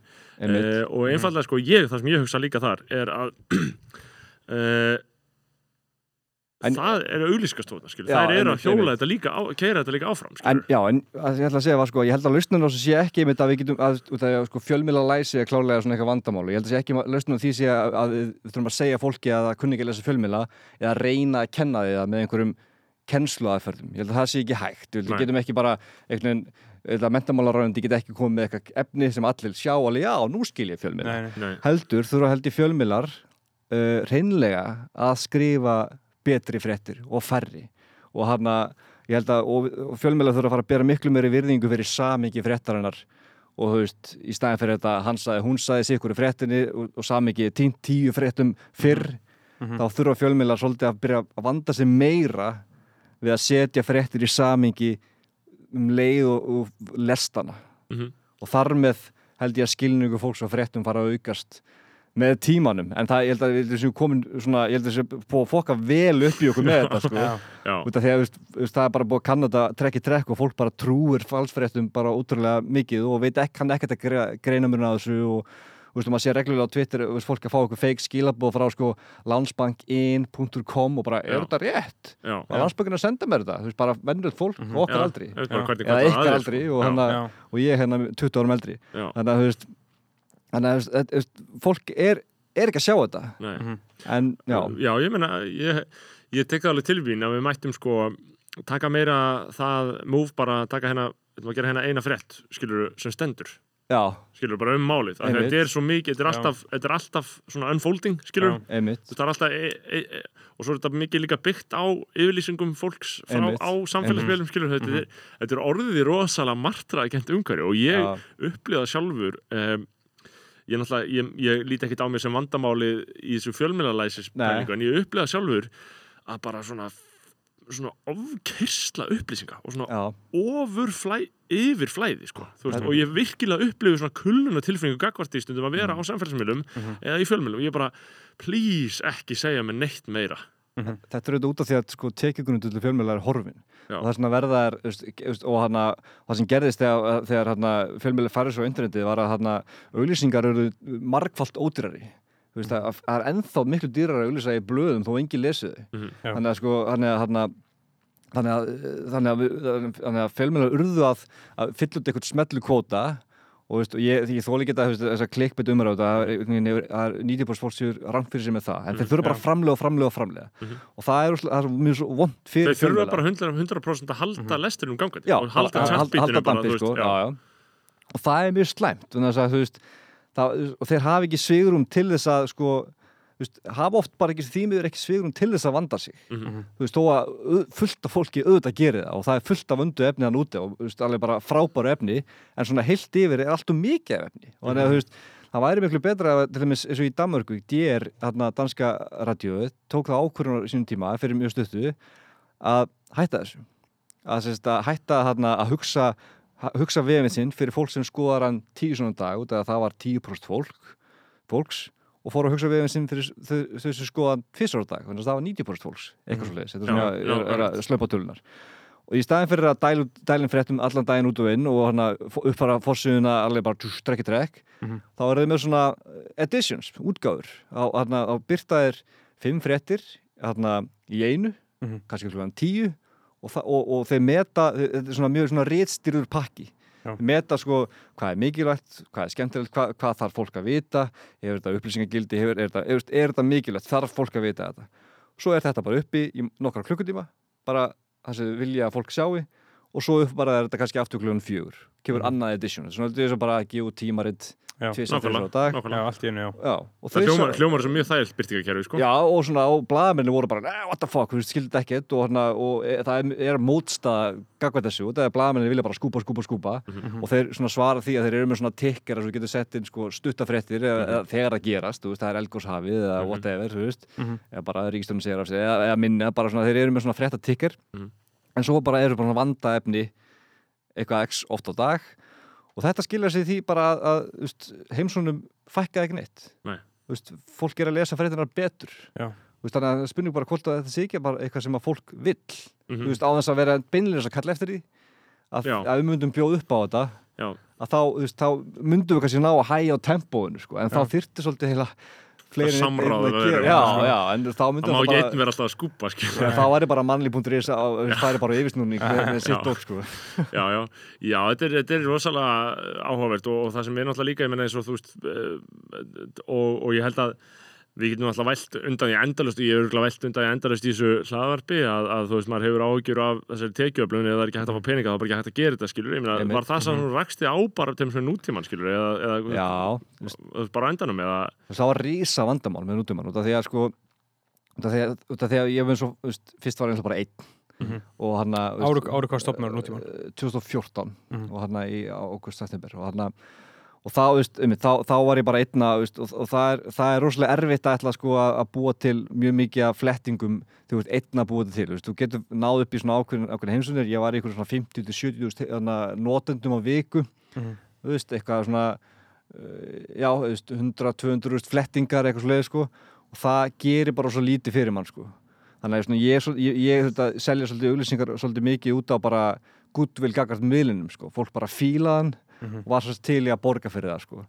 Og svo svona, veist, svo var þetta bara erfiðar til, til að viðhalda því út að það vill ekki auglýsa endalaust og svo var maður svona þannig að, veist, þú veist, ég rak mér bara á hvað sko bannir auglýsingir ógeðslega ódýr pródukt og ég, ég sá bara snemma að þetta var alls ekki eitthvað sem geti, geti keirt áfram fjölmir, sérstaklega ekki ég vildi vaksa þannig að þess vegna byrja ég að framlega minnbönd þess að auglýsingarna sem ég kyrði undan myndböndunum þess að litlu hana skip eftir 5 sekundur mhm. ég gæti selt þær svolítið dýrari heldur en borðana Mhm. og svo fór ég út í að, hana, að, að svona samstarfi fyrirtækja sem ég reynda að framlega efni í samstarfi við þau og var þetta dæmdur að fjölmjölendinu sem fyrir það, fyrir að vera ekki nóg skýr með það þó ég hafi að mínum að þetta tilgita Mhm. þrjus að fyrir í fæslunni Mhm. og hann og, og, og, og þar með, veist, og það, það var svona dýrasta varan ef, ég- ef ég komst í eitthvað gott samstarf gæti ég, ég þú veist, náð svolítið miklu inn sko.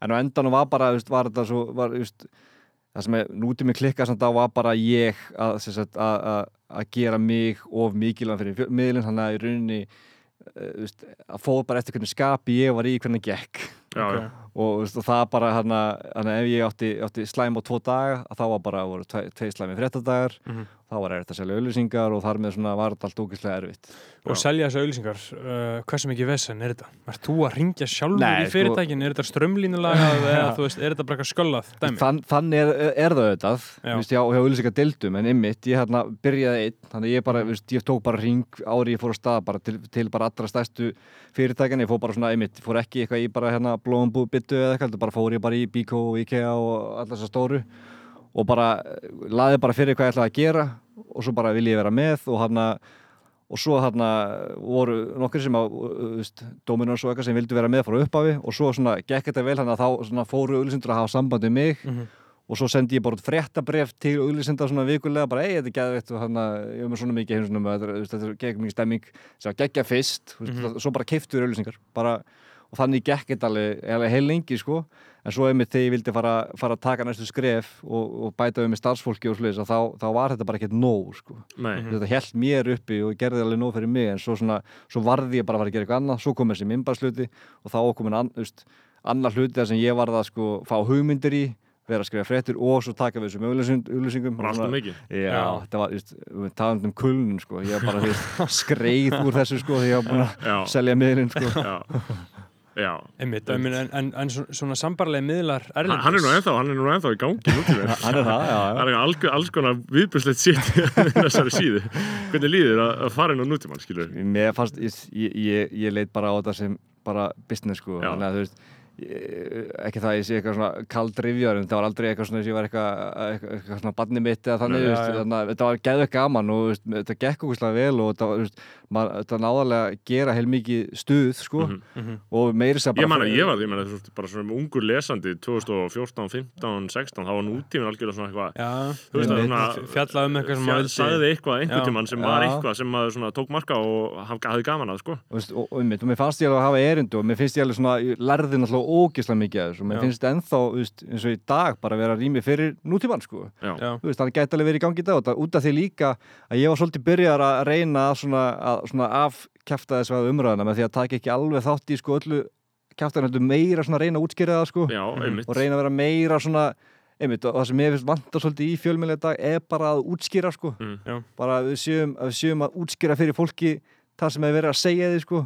Það hraðin, að, það, það, það er það sem vantar í þessum ógeðslega mikla hraða er bara að fólk fatti hvað er í gangi sko. Já, og ég var svolítið að reyna þetta og auðvitað með að koma þarna inn alveg alls konar efni og maður, svona, stundum þurfti maður bara eitthvað skríti og þá kom bara eitthvað skríti og ég var, var tekinn fyrir á Twitter eða eitthvað. Mhm. það ég var- varð bara að fá flettinga til að lifa á og að geta borðað sko. Mhm. en, en, en, en heilt yfir fannst mér að ganga vel eins og bara veist, þessar örskýringar eru til þar og nú er ég með þær á rás eitt. Mhm. og hann og, og, hana, og bara svo líka að reyna svona, þá kom stór fréttamál sem að við svona alveg demdum okkur í og reyndum um þetta að fylgja hinum en það samt meira, meira útskýra heldur en skúpa út af því við vorum bara ekki með mannablunni í skúpið nei, og, einmitt. Og svo leið sko, þannig að svona já, þetta var úgeðslega gaman sko En sko þessi stóru uh, erlendu sambærlegi miðlar, eitthvað svona undir miðlar, Vox og Vice og allt Já, þetta, er þetta, þú veist, er þetta sama tekjumódel þar? Veistu það? Sko, Sko, veist, er þetta bara pjúra auðlýsingar eða er þetta bara, þau með nægilegt kapital til þess að bara geta raunverulega viðhaldi þessu í mörg ár, tapa fullt af pening og síðan einhvern veginn er einhver corporate shareholder sem hann tapar, skilur Ég held að það sé svona almennt þannig sko, bara í fjölmjölum um allan heim sko. Mm. þetta bara það, það er verið að, vera að keira þetta áfram á tapi en eins og ennum á skoða til dæmis bara eins og BuzzFeed mm sem var svona, þú veist því ég, svona, ég skoðaði það svolítið mikið hvað þetta varðar Já. þegar ég var, Það- þegar ég var að byrja sko. Það er svolítið originataði þessa svona tegund Já, ekki? þú veist, þetta ég Með BuzzFeed News, það er að segja Já. BuzzFeed Já, bara BuzzFeed, sko, ég, ég, ég, þegar ég var eitthvað 2014 að gera eitthvað svona sjö ástæði fyrir því og eitthvað, þú veist, þá var ekkert margir að því þú Nei, veist, eitthvað svona listikúls og, já, og mönnum fannst, fólki fannst það svolítið skrítið í íslensku miðli og allt það Mhm. sko og hann að en svo einmitt það sem BuzzFeed BuzzFeed er sko, minn er svona að hafa ekki svona verið auðlýsingaborðar að BuzzFeed í uppa en þeir eru nú núna sko en þeir eru, þeir, þeirra tekjur koma langmest frá bara framlega content sem er selt bara, þú veist, og, og búa til þessi undirmerki, búa til tasty sem að, þú veist, með hennar mat og það Já. er bara komin lína af pottum og pönnum Akkurat. og hann og svo þetta bara allur, allur, allur, allur hráöfnin og allt Já, þetta sko já. og ég var svolítið að reyna að fara þessa leiða sko, að, að, að framlega, mér langaði til að framlega þú veist, efni sem fólk er áhuga á, eins og Tasty er, þú veist, það hafa allir verið að skrolla í þarna, Facebook og bara dott inn í að Festast í matarmyndböndum. Já, festast bara í þessu, bara í- komin þrjú einhverju kökum og þú bara ætlar aldrei að baka hana, sko það er ekki, kemur ekki grein sko. Nei, það er nei. bara ekki eins og punktur með því að horfa á þetta og þetta er það sem ég langaði að gera þú veist, að, að, að, að búa til skemmtilegt efni sem væri samt fjármagnað af fyrirtækjum Mhm. en sem myndi ekki bytna á sko, skemmtarnagildinu nei, nei, þannig að það er ótrúlega, ótrúlega erfitt og ótrúlega svona Já. já, þetta er ótrúlega mikil í afvæðislist þetta er svo að hafa fyrirtækin skoðun á því hvernig þetta er og svona en svona, stundum tókst það og stundum ekki og þannig að það, ég held að BuzzFeed einmitt og svona þessi miðla keira svolítið mikið á svona sponsored content Já, og meins að bara eins og lesið til dæmis bara Daily Beast Mhm. sem eru svo svona svona svona svolítið svona gulur svona, Já, svona hress já, hress, svona, Já, svona horni let's mikið vera, já, þau eru bara svo allt í nú kjöðu bara eitthvað hey, ever wondered how, veist, bara eitthvað Já. svona auðlýsing og podcastin sem ég hlusta ég er að hlusta að geðveika fréttaskýringar og svo bara fréttaskýrindi sjálfum bara ég var alltaf í vandræði með tryggingar. Já. en svo, þú veist, Já, þú veist þannig að í bandrækjunum eru mörkin svona svolítið meira Einmitt. blurri, sko. En, En það, þetta- er sko ein- einhverju leiti líka það sem ég hef uh, sko, ég meina nokkur leiti tala fyrir því að sko engameilar drulli sér í sko, þú veist að, að meðan hlaðvörpun eru orðin sko, þú veist, það er bara algjörlega, þú veist, flest hlaðvörp íslensk, við erum ekki að gera sko, bara, við auðlýsum ekki flest eru bara, þú veist, alveg dört í með þetta, þú veist, það bara kemur allt í einu eitthvað kæftæði og það er öllum alveg sama og þetta Já. er kapitalismin sem er í gangi þetta Einmitt. er kapitalismin sem er í gangi á samfélagsmiðlum ef þú ætlar að reyna að vera heilagur já, þá ert þú bara að fara að missa lestina einhver Hey, leiti, já. No, no ethical consumption, sko. Nei, málið er að það er hægt að viðhalda eins og bara, eins og til dæmis BuzzFeed sem að skiptur þessu bara upp í BuzzFeed News sem er með metnaði fullt fréttamið Já, búið algjör og ha- sko. já, við hafa bara verið með, og með Já. bara svona stór mál sem er bara vinni Góðar lengi skýringar já, og- góðar skýringar og svona og nýta það sem er gert vel á BuzzFeed til þess bara í framsetningu efnis sem er með svona íslenski fil- filmar svolítið eh, eftir á mig en það er líka bara ekki pening Já, já, en En- þú veist, þetta er svona bara upplifun um að, þú veist, ef við færum á BuzzFeed News núna, þá getur ég opnað eitthvað frétt og bara það að labba inn í fréttina, að fara Já. inn í fréttina væri bara tiltölulega svona strömlinlu og þægileg reynsla, veit ég. Að meðan þú veist, það er líklegt að opna eitthvað íslenska miðl og það er eitthvað frétt og þú bara, veist, kannski ekki bara hver skrifaði hana Já. og hún er bara hvað, fokkar nákvæmlega stendur hana og Já. þetta er bara, reynist bara að vera bara algjörlega beint af kúnu fréttatilkynning frá banka. Já, og sem er bara um eitthvað sem engin skilur og hvorki Já, blaðmaður nýð þú. Og þú bara hver grætti á endanum á því að þetta gerðist? Það að ég opnaði þetta skilur. Ég hef oft velt fyrir mér af hverju, af hverju sko, til sérstaklega stóru vefminarnir sé ekki svona í meiri tilvíðlega með sko hvað þetta varðar. Ég meiri þess að velt fyrir mér af hverju, þarna, af hverju vísir ekki bara búin að heyri í mér. Ég geti bara sagt þeim hvernig það er að gera þetta. Þú veist, út af því, út af því vísir hefur, þessi stóru mér að hafa allt til þess sko. MBL er svona pínu laumimbúkast með þetta eins og matafötum, allt í veist, maður er búin að koma með halva fréttsvölu, af hverju, af hverju er að lesa um eitthvað kjöt í hagkaup? Já. þannig að, veistu, hvað er, hvað er kynningar með, veist, Já, og það er ekki. Nei, nei, það er og það, það er ekki, sko. Og það, það er allir alltaf að hugsa um þessar fréttir á MBL, matar Já. MBL, sko. Það, mín- sko með þetta var líka það að, sko, að fólk er ótrúlega umbyrlund gagvært þessu eða fær bara vita að sé verið að borga fyrir Já, þetta. Já, og þess vegna- þess vegna vildi ég alltaf segja meira en minna. Ég kom með eitthvað og sagði bara sagði bara berum, berum orðum bara áraðlega lengra þarna, þessi borgu fyrir þetta. Þannig að við skulum bara hafa þá á reynu en heldur nú áfram. Mhm. og, og fólki fannst það bara skemmtilegt. Já, og þannig að það, var, það var margt sem var bara sem var bara veist, já, bara flög bara þó að væri, væri, væri kostaði fyrir þetta já, Mhm. já, Ég hugsa alltaf bara í öllu svona umræðum sko, hvað er fokk mikið vesen að tala við fyrirtæki? Já, og vorkenni bara fólkinu sem þarf að sjá um þau samskipti. Einmitt. senda mail og semjum prís Já, og já. tíma En og það allt er þetta. sko- heljarna fokkin vinna. En til þess Já. er sko til markasfólk Já. sem bókstala eru manneskjur sem finnst það ekki leðilegt sko. Veist, það er bara, ég þekki markasmenn sem vinna hjá fyrirtækjum og þú veist, þetta eru, þetta eru báðar hliðar, þú getur annarkvöld unni hjá dagblæðinu eða hjá fyrirtækinu Já, og þau bara brenna fyrir því Já. að koma efninu vel fyrir í fjölmjölunum og Já. síðan er markasfólk hjá fjölmjölunum sem bara elskar að heyra í fyrirtækjum og vinna sigra, það er á bónusum mm, skilur, Einmitt. þú veist, ef allt er rétt þá er það á bónusum þannig að Já. þetta er svona allir vinna dæmi, Þetta er svolítið svona tvær vel. típar af fólki í heiminum sko. það, það er, þú veist, einmitt, ég átti ekki að vera í þessu sko. Nei, nei. ég var bara, líka bara, ég var bara með verðskrá sem ég sendi bara. Og, veist, og ég, ég, það var ekkert, ekkert umsemmilegt Nei, Nei, nei. nei. sumi voru ég því og ég svona og ég var auðvitað alltaf ofódýr Já. sérstaklega með fór að semja bara, að, að, bara svona Já. Já. það var aldrei eitthvað svona eitthvað hardball í gangi sko, út af því þe- þetta er ekki mitt sko. Og eitt, þetta er eitt af það sem að feldi þannig sé svona mín aðkoma að miðlunum var bara, ég átti auðvitað bara að vera með hákall með Já, mér sko, já, sem já. myndi bara sjá um þetta. Og, það, og það, það hefur örugglega gengið betur með, með allan að meðbyr sem ég fekk sko. Og það er náttúrulega það allra geðsjúkasta við Facebook, Instagram og Twitter, allt þetta, að það er bara allt fullkomlega non-negotiable. Þú ert ekki að fara að breyta neinu, Nei, nei. þau hefur ekki að díla við þessu fyrirtæki, það er ekkert að fara að vera neitt öðruvísi. Þau eru bara að taka það, bara já, heyrðu, þannig að uh, við ætlum bara að spara okkur tíma, uh, það sem við bara að gera þarna, uh, þú vilt hafa þetta svona, uh, við viljum hafa þetta svona og það sem við viljum fara að gera, við viljum hafa þetta eins og við viljum hafa þetta. Og bara, þetta er ekki rætt. einu sinni, einu Þú, sinni þú vaknaði getur ekki svona ringt í þau, þú það er ekki customer service. einu sinni vaknaði ég einn morgunin bara og, fór að setja inn fréttan út í mann og það var bara enginn að lesa þess Mhm. og ég bara, þetta er bara gott stöf, það er enginn að lesa neitt að þessu Mhm. þá hefði Facebook bara ákveðið e- eitthvað eftir mitti í Kaliforníu að breyta Mhm. algoritmanum þannig að það var eitthvað búið að tvíka til þannig að bara efni mitt sást bara ekki og ég var bara, bara. já, ég var bara ég, er búin að eitthvað spann með hana með einhvern fréttamiðl og bara svona uh, ok, en það bara svona ég er Já. ég, ég fekk 70% heimsunum mínu frá Facebook Já. Mhm. og Já, er fokkið mikið já, allt og mikið sko og hann út af því að líka það er svolítið erfitt að koma sér fyrir á þessu markað í, í, í, að ve Að fólk vera að og fólk bara frá upp á var, var vandi að fá þetta bara á Facebook þannig að Mhm. vandist því, þurfti ekki að fara annað þannig að þú veist, að það var svona svolítið svona bara uh, road to nowhere hvað það var það sko Mhm.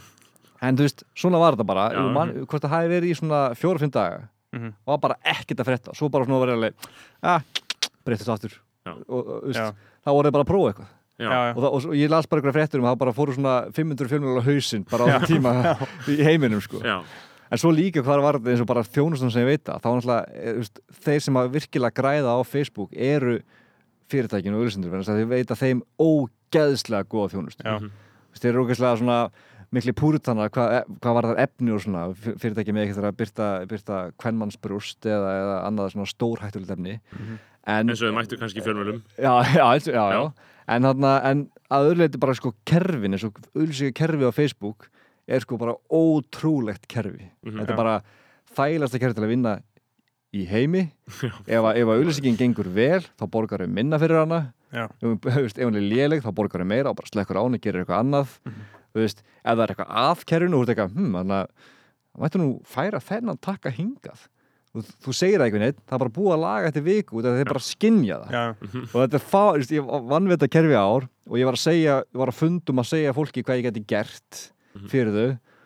Og allir bara svona, eða flesti bara svona já, en má, má það? Þú Já. veist, Hvað, hvað það, þú veist, og auðvitað bara svona, svona hrætt því ég var að segja um hvað var í gangi, sko. Bara fullkomi kerfi fyrir fjármaks eigendur. Já, algjörlega fullkomið, bara, bara perfekt Já. kerfi. Já. En, en þa það er sem ég finnst svolítið... það er í alvörunni, þú veist, þetta er ískyggilegt Já, og já. þetta er bara að verða En- betra og betra fyrir Já, En, en, en, en það er líka sem að mér finnst svolítið sko, uh, fyndið, ég var að hlusta á viðtal við Adam Curtis, uh, heimildagerðamann uh, Breskan, og hann var svolítið að tala um það að, þú veist, það er allir að tala um þetta data, skilur, bara Já, Facebook er með svo mikið af gögnum og þau eru svo powerful og þau eru allt svona, þá fór hann svolítið að bera það saman við að, þú veist, fólk var alltaf að tala um svona CIA, svona njósnara og FBI agenta og eitthvað, þetta væri bara svona geðið fullkomi fólk, skilur það væri bara svona fólk með allt sitt á reynu bara eitthvað James Bondar og bara eitthvað taka arbegur og skjóta fólk og síðan er þetta bara eitthvað þunglindir kvinnir símafíklar skilur Já. þú kom einhver svona kynning nei, kom einhver svona Uh, einhver svona stór ritgerð um það eitthvað sem útskýrði það að þetta væri allt bara auðmingjar sem var að vinna annað en það var rosa mikið glamúr skilur, rosa mikið glamúr en ekkert innihald. Og ímyndarsköpun Já, bara pjúra ímyndunarsköpun og hann var svolítið að tala um það. Uh, hann er mikið að hugsa um þessa hluti og notaði svolítið þessa líkingu til þess að segja að þetta data hjá Facebook og allt Já. svona, þú veist þetta er ekki svona mikið big deal Nei, eða Nei. þú veist, þetta er svolítið bara smokescreen og ímyndunarsköpun og þau græða ógeðslega mikið á því að við höldum að þetta sé bara sem heldur heiminum saman Mhm. Já. en í rauninni kannski er En þetta ekkert svo það mér- mikið til í þessu hjá þeim mér finnst þetta hugreistandi pæling en ég Já. er samt öruglega þá mögulega heila þau inn að því að Facebook sé svona með svona öflut data að ég trúi Mhm. ekki ennþá að þetta sé ekki bara fullkomið. Mér líður eins og við séu búin að fullkomna þetta dæmi. Já, þ- hann, hann var svolítið að tala um að þau eru svolítið líka bara að uh, winga þetta Já, eins og já. langt flestir er að gera sko. þú veist, að það sé ekki svona ótrúlega powerful Þau safna alltaf miklu meira gögnum en þurfa til dæmis Mhm. og besta hugmyndin sem kom í hana, hvað heit myndin, Facebook myndin og Netflix Social Dilemma. Nei, Já, Social já, Dilemma, já, já, þessi nýja. besta hugmyndin sem kom fram í þeirri mynd var auðvitað bara að- að- að að skatleika gögnin Já. Þú veist, þá, myndu, þá verða þau að fara að sapna bara sér þurfa. Þetta Já. þau eru, að- núna eru að taka allt Mhm. bara það að það skiptir einhver máli Þú veist, þannig er bara að taka bara allt og svo bara reysa það bara nýtt gagnafið, bara fyrir öll gögnin og svo selja þau bara, fyrirtækjum að velja sko Mhm.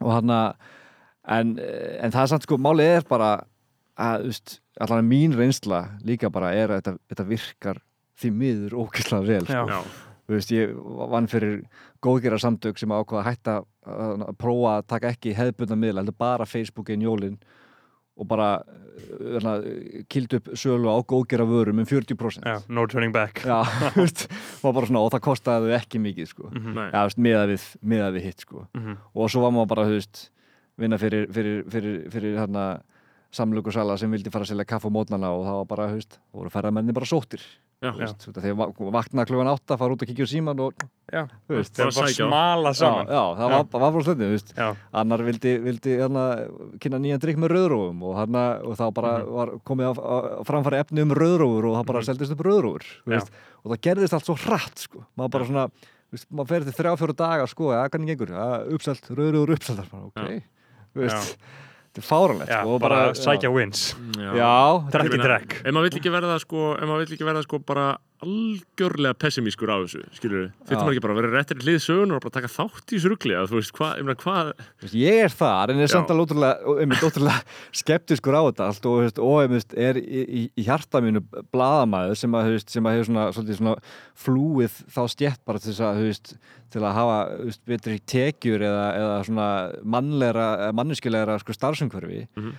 Og þú veist, auðvitað, ég vildi miklu freka bara vera, þú veist, vera, vera það sem ég er í dag bara í mínu sko 9-5 og, og fá að skrifa frettir Já, en í staðin er ég bara að vinna fyrir djöfulinn sko.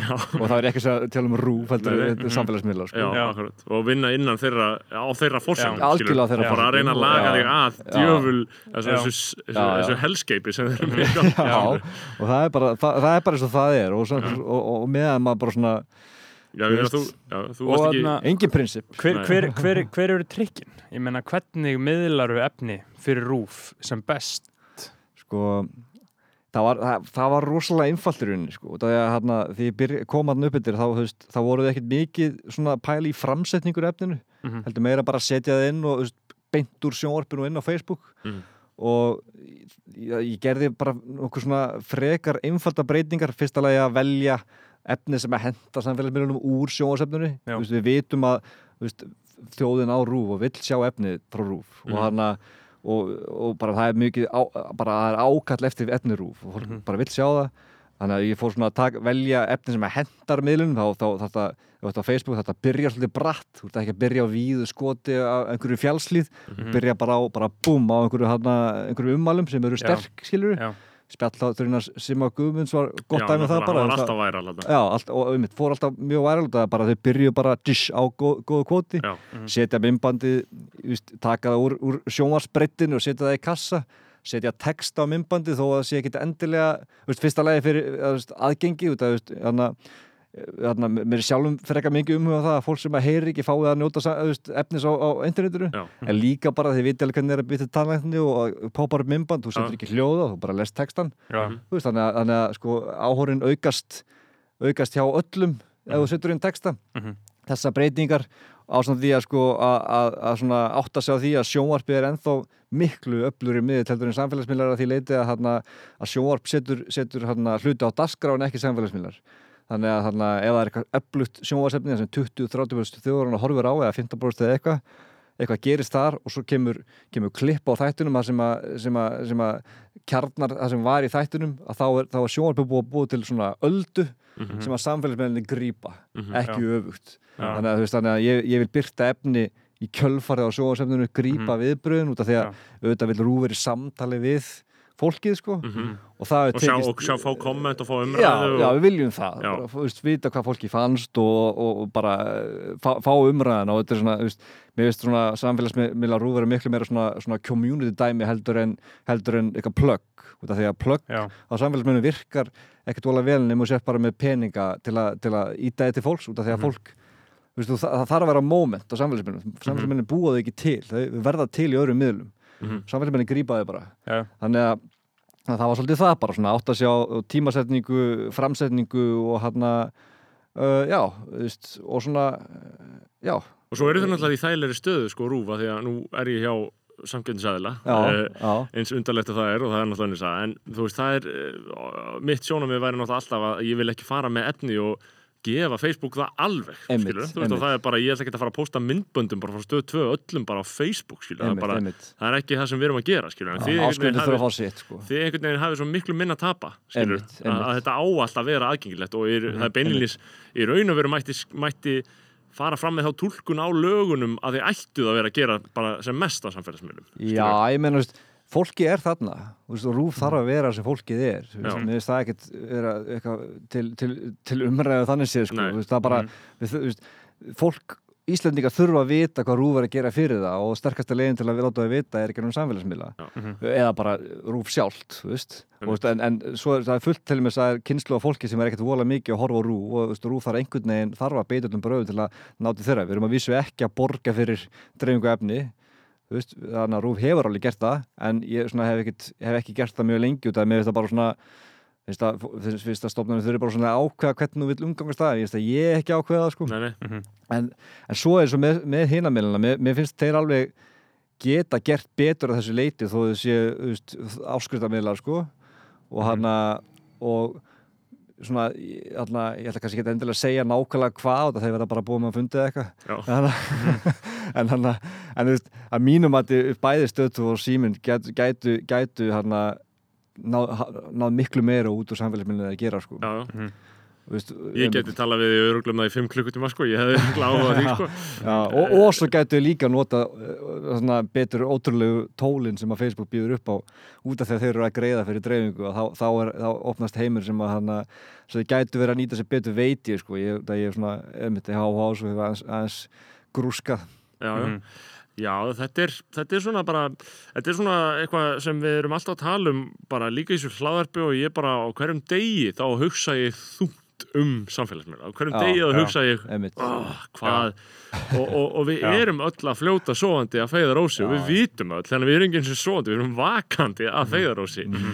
og, og vakandi að missa bara tökin á Já. allri stýringu upplýsinga uh, í hendur uh, auðringja. Já, og, og, og bara, þetta, bara, þetta bara breytir fólki af því að Já. like eru svo ánabindandi. Þau eru svo sjúklega ánabindandi saman hvað einhver, allir segja. Fólk getur alveg verið ánabindandi með það eða eitthvað svona en like eru ógæðslega ánabindandi. Og sérstaklega á miðlis og Twitter, þetta er smá öðruvís á Instagram því þá ertu svolítið að bara svona byrta það sem að þú ert skilur, en á Já. Twitter getur haft miklu meiri stjórn á því hverðu þú ert. Já, og þessi like eru svo sjúklega nú þessu er eitthvað að það. símin í útar Ég er það er veist ekki bara að þeir væri til lengur. Uh, Prófa að svara, er eitthvað að ringja? Nei, ok, já. Var ég að segja Það uh, var lækin Já, já, Lækin. eru svo ógeðslega Já. þau getur bara breytt heilastarsemin í þér. Í alvörni, þú getur sagt hluti veist, ein, eins og þú veist það sem að menn alltaf, þegar maður er í lokuðum hópum að tala um hvað Twitter er allt þetta fucking shit er ógeðslega alltaf, þá er alltaf sem, nokkuð, sem einhver segir alltaf bara, það myndi aldrei þóra að segja þetta í skilur, þú veist, bara harfðu baka skjáin það myndi engin þóra að segja þetta í Já. alvörni En sko, Ég, ég grínast mjög oft með það þegar einhver segir eitthvað segir, já, setja þetta Twitter. Já, akkurat. Já. það, það, það, það er ekki séns skilur, ég, held, ég held líka alltaf að sko þarna, uh, það sem bara vitur maður sem ég þekki hefur bent á í mörg ár er að, þú veist, bara like kultúrin og like menningin og það Mhm. að, þú veist, ummæli séu ekki talin einhvern veginn góð eða samþygt nema þeir fái x-mark like einmitt bara þessi kultúr að hann sé að bókstaflega eigðilegja menningun okkar veist, að það sé Rústa. mögulega hægt að bara rekja Já. stóru vandamálin í Já. daglegum samskiptum okkar og í öllu þessu samhengi bara til þess að þetta sé systemi sem við höfum vanist núna, bara lækin sko. Já, þe- þe- þetta er rosalega sorglegt sko og þetta er að gerast í tónlist líka nú Mhm. byrja ég að meta tónlist, nú eru tónlistumenn farnir að yes, mitt er komin í 50k Já, plays, einmitt, 100k, einmitt. 150 Thank you, 200. Já, veist, Já. já. skil ég hvað meina, það byrja að dæma þetta á þessum streymist tölum, það byrja að dæma allt eftir tölum og þá byrja fólk að automatíst sko út af því að vant, vant því að það sem er mörg like það er gott og þá Mhm. er með, það sem er margar hlustani það er gott veist, þetta er svona, þetta er einhvern veginn bara svona brenglar allt Já, já. En ég meina maður getur talað eins og hún segja neikvægt um og samfélagsmiðla að en, en, en, en það sem að ég hef alltaf fattað meira og meira því ég hef prófað mig mikið áfram í þessu og hætta á að byrja á allt svona þú veist, þú veist þetta er þín eigin vanlíðan, skilur þér líður illa skilur, og síðan er samfélagsmiðlanir að láta þér líða enn verð en þeir eru ekki í grunninn að láta þér líða illa. Nei, þér nei, líður illa nú þegar sem manneskja og- eins og öllum líður oft á tíðum og þú þurft að takast á við það og síðan Já. samfélagsmiðlunir samfélagsmiðlunir er ekki að fara að hjálpa þér sko. En þú veist, þeir eru ekki aðal rótin af vandamálunni sem þú ert að díla við sko. Ég er er búin að svona- læra það sko. við, viðfórsindi framtíðarinnar og, og sálfræðinga framtíðarinnar verður kannski að byggja upp fólk þannig að sko þannig að maður ma, ma, líði nógu vel í en skinja, skinja sko að, að lækin hætti að hafa þessi áhrif. Maður þurfi ekki lækin sko. Það er draumasteit það sko. er góð stað til að vera á sko. Og hann að, svona og, og, og, og við erum líka bara svo óöfn að, að, að, að vera upp á tíma sem að, sem að, sem að svona, við erum að læra á þetta allt og einhvern veginn að við, við erum í, hugsa ykkur hvað þetta er ungi miðlar þetta er bara þetta er, all, þetta er splungu nýtt sko. Fucking sex ára já, eitthvað, já, og við, við, við, við erum bara tilhörnandýrin sko. Svo, svo svona svo vonandi nærið einhverju jafnvægi þú veist, það, um, það verður, verður eitthvað fari í þessi fyrirtæki og þau munum þurfa að borga meira og það þurfa að breyta sér og það Mhm. mun eitthvað gerast sko. En við, svona, við og, mögulega börnum okkar þurfum svolítið að svona, taka á okkur höggið Já. sko. Já, en ég meina, við, við erum alltaf að tala líka um vandræði þessari kynslu sem er að vaksa upp núna og þau vandræði sem munur hljótast af þessu. Ég meina, þú veist, hvernig ert þú fættur? 84 84. Ég meina, var ekki, voru ekki mjög stór félagslega hjá þinni kynslu og þínu fólki? Jú, eða bara einhverjum jú. gaurum sem þú ólst upp með Jú, og, og þér og ég meina, það er, það er allir í fokki. já, já, Já, já. þannig Það er var bara kannski öðruvísi. það er átó já, já, og, og, og, algjörlega og, og maður sé fyrir sig að umræða til dæmis um áfengis og grasnýslu og eitthvað svona, svona vandamál hafi Já. verið til dæmis aðeins frumstæðari hérna á árum áður Mhm. uh, er aðeins þróaðari núna er samt mm. örgulega í fokki ennþá skilur já, uh, þannig að þú veist, eins og ég segi þetta er, þetta er, þetta er svona, maður fær eitthvað þú veist, win some you lose some, skilur, hlýtur það þannig Já, í stundum líka svona, svona litið svo á að samfélagsmeðar sjöurinn bara svona, ekki eða bara, svolítið mikið bara svona sín okkur þetta allt sko. Eins og bara til dæmis þegar við sjáum alltaf rasistanna í þú veist, maður er alveg, oh shit, er þetta svona Íslandi? En þetta hefur alltaf, auðvitað alltaf verið svona og hefur alltaf verið í rauninni meira sko. Já. en veist, en, en núna fáum við þetta bara veist, í hérna komandakerunum á stærstu fjölmjölum landsins sko, þannig að við Mhm. vitum að þessu. Mhm, þú veist, og kannski þetta bara svona kannski eru, eru, eru, eru hérna samfélagsmiðlar að sína okkur bara hvað við erum í raun hér komum gjörð sko og, hana, og setja á það magnara og, og, og, leika sér að því þannig að gefa okkur lækin þannig að við erum að framlega alltaf mikið að dóminu og erum, erum háði og, og, Mhm. ruggluð sko.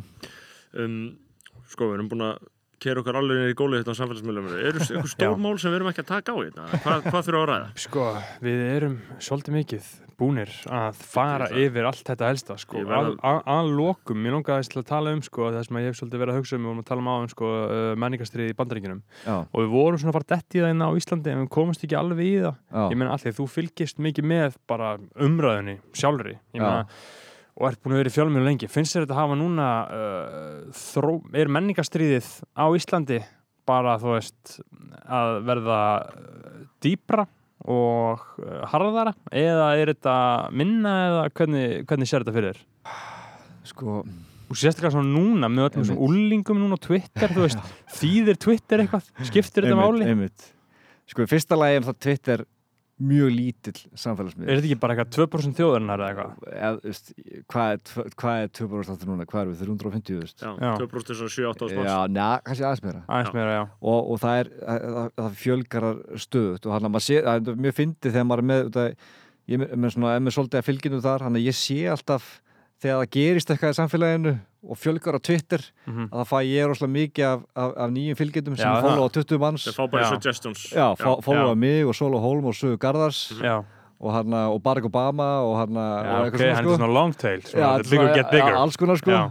og hann og, og, og, og, og svo svona, kemur þetta inn svona bylgjum þegar, þegar eitthvað er í gangi svo núna bara, þú veist Gilvi sig og eitthvað allir að tala um þetta á Twitter, það bara hrúast inn bara á Twitter sko en en en fyrst alveg samt, samt er þetta mjög lítill mið, þannig að ég svona en, en Twitter er samt svona ágæti svona ég líti á þetta sem ágæti svona, svona púlsmæli sko Já. á, á, á hvað er að gerast en ekki að ég vilja setja það, og úlinga Twitter eða eitthvað inn, Mhm. inn í það sko, þó að það sé mjög skemmtilegt og ég Passa að reyta að geta Já, reyði ég hef mjög gaman að þeir bæðu og hann eiginlega mjög, mjög skemmtilegt að menn fóru eitthvað að svara úlinguna bara svona svo bara hefur aldrei lappað fram hjá úlingur sem að reykja og átti ekki að tala við þau bara, bara horfðu beint á það lappaði munur ekki vera góð við sko. Nei. getur ekki nálgast eitt þannig sko. bara, veist, bara síndi virum varst ekki? Já.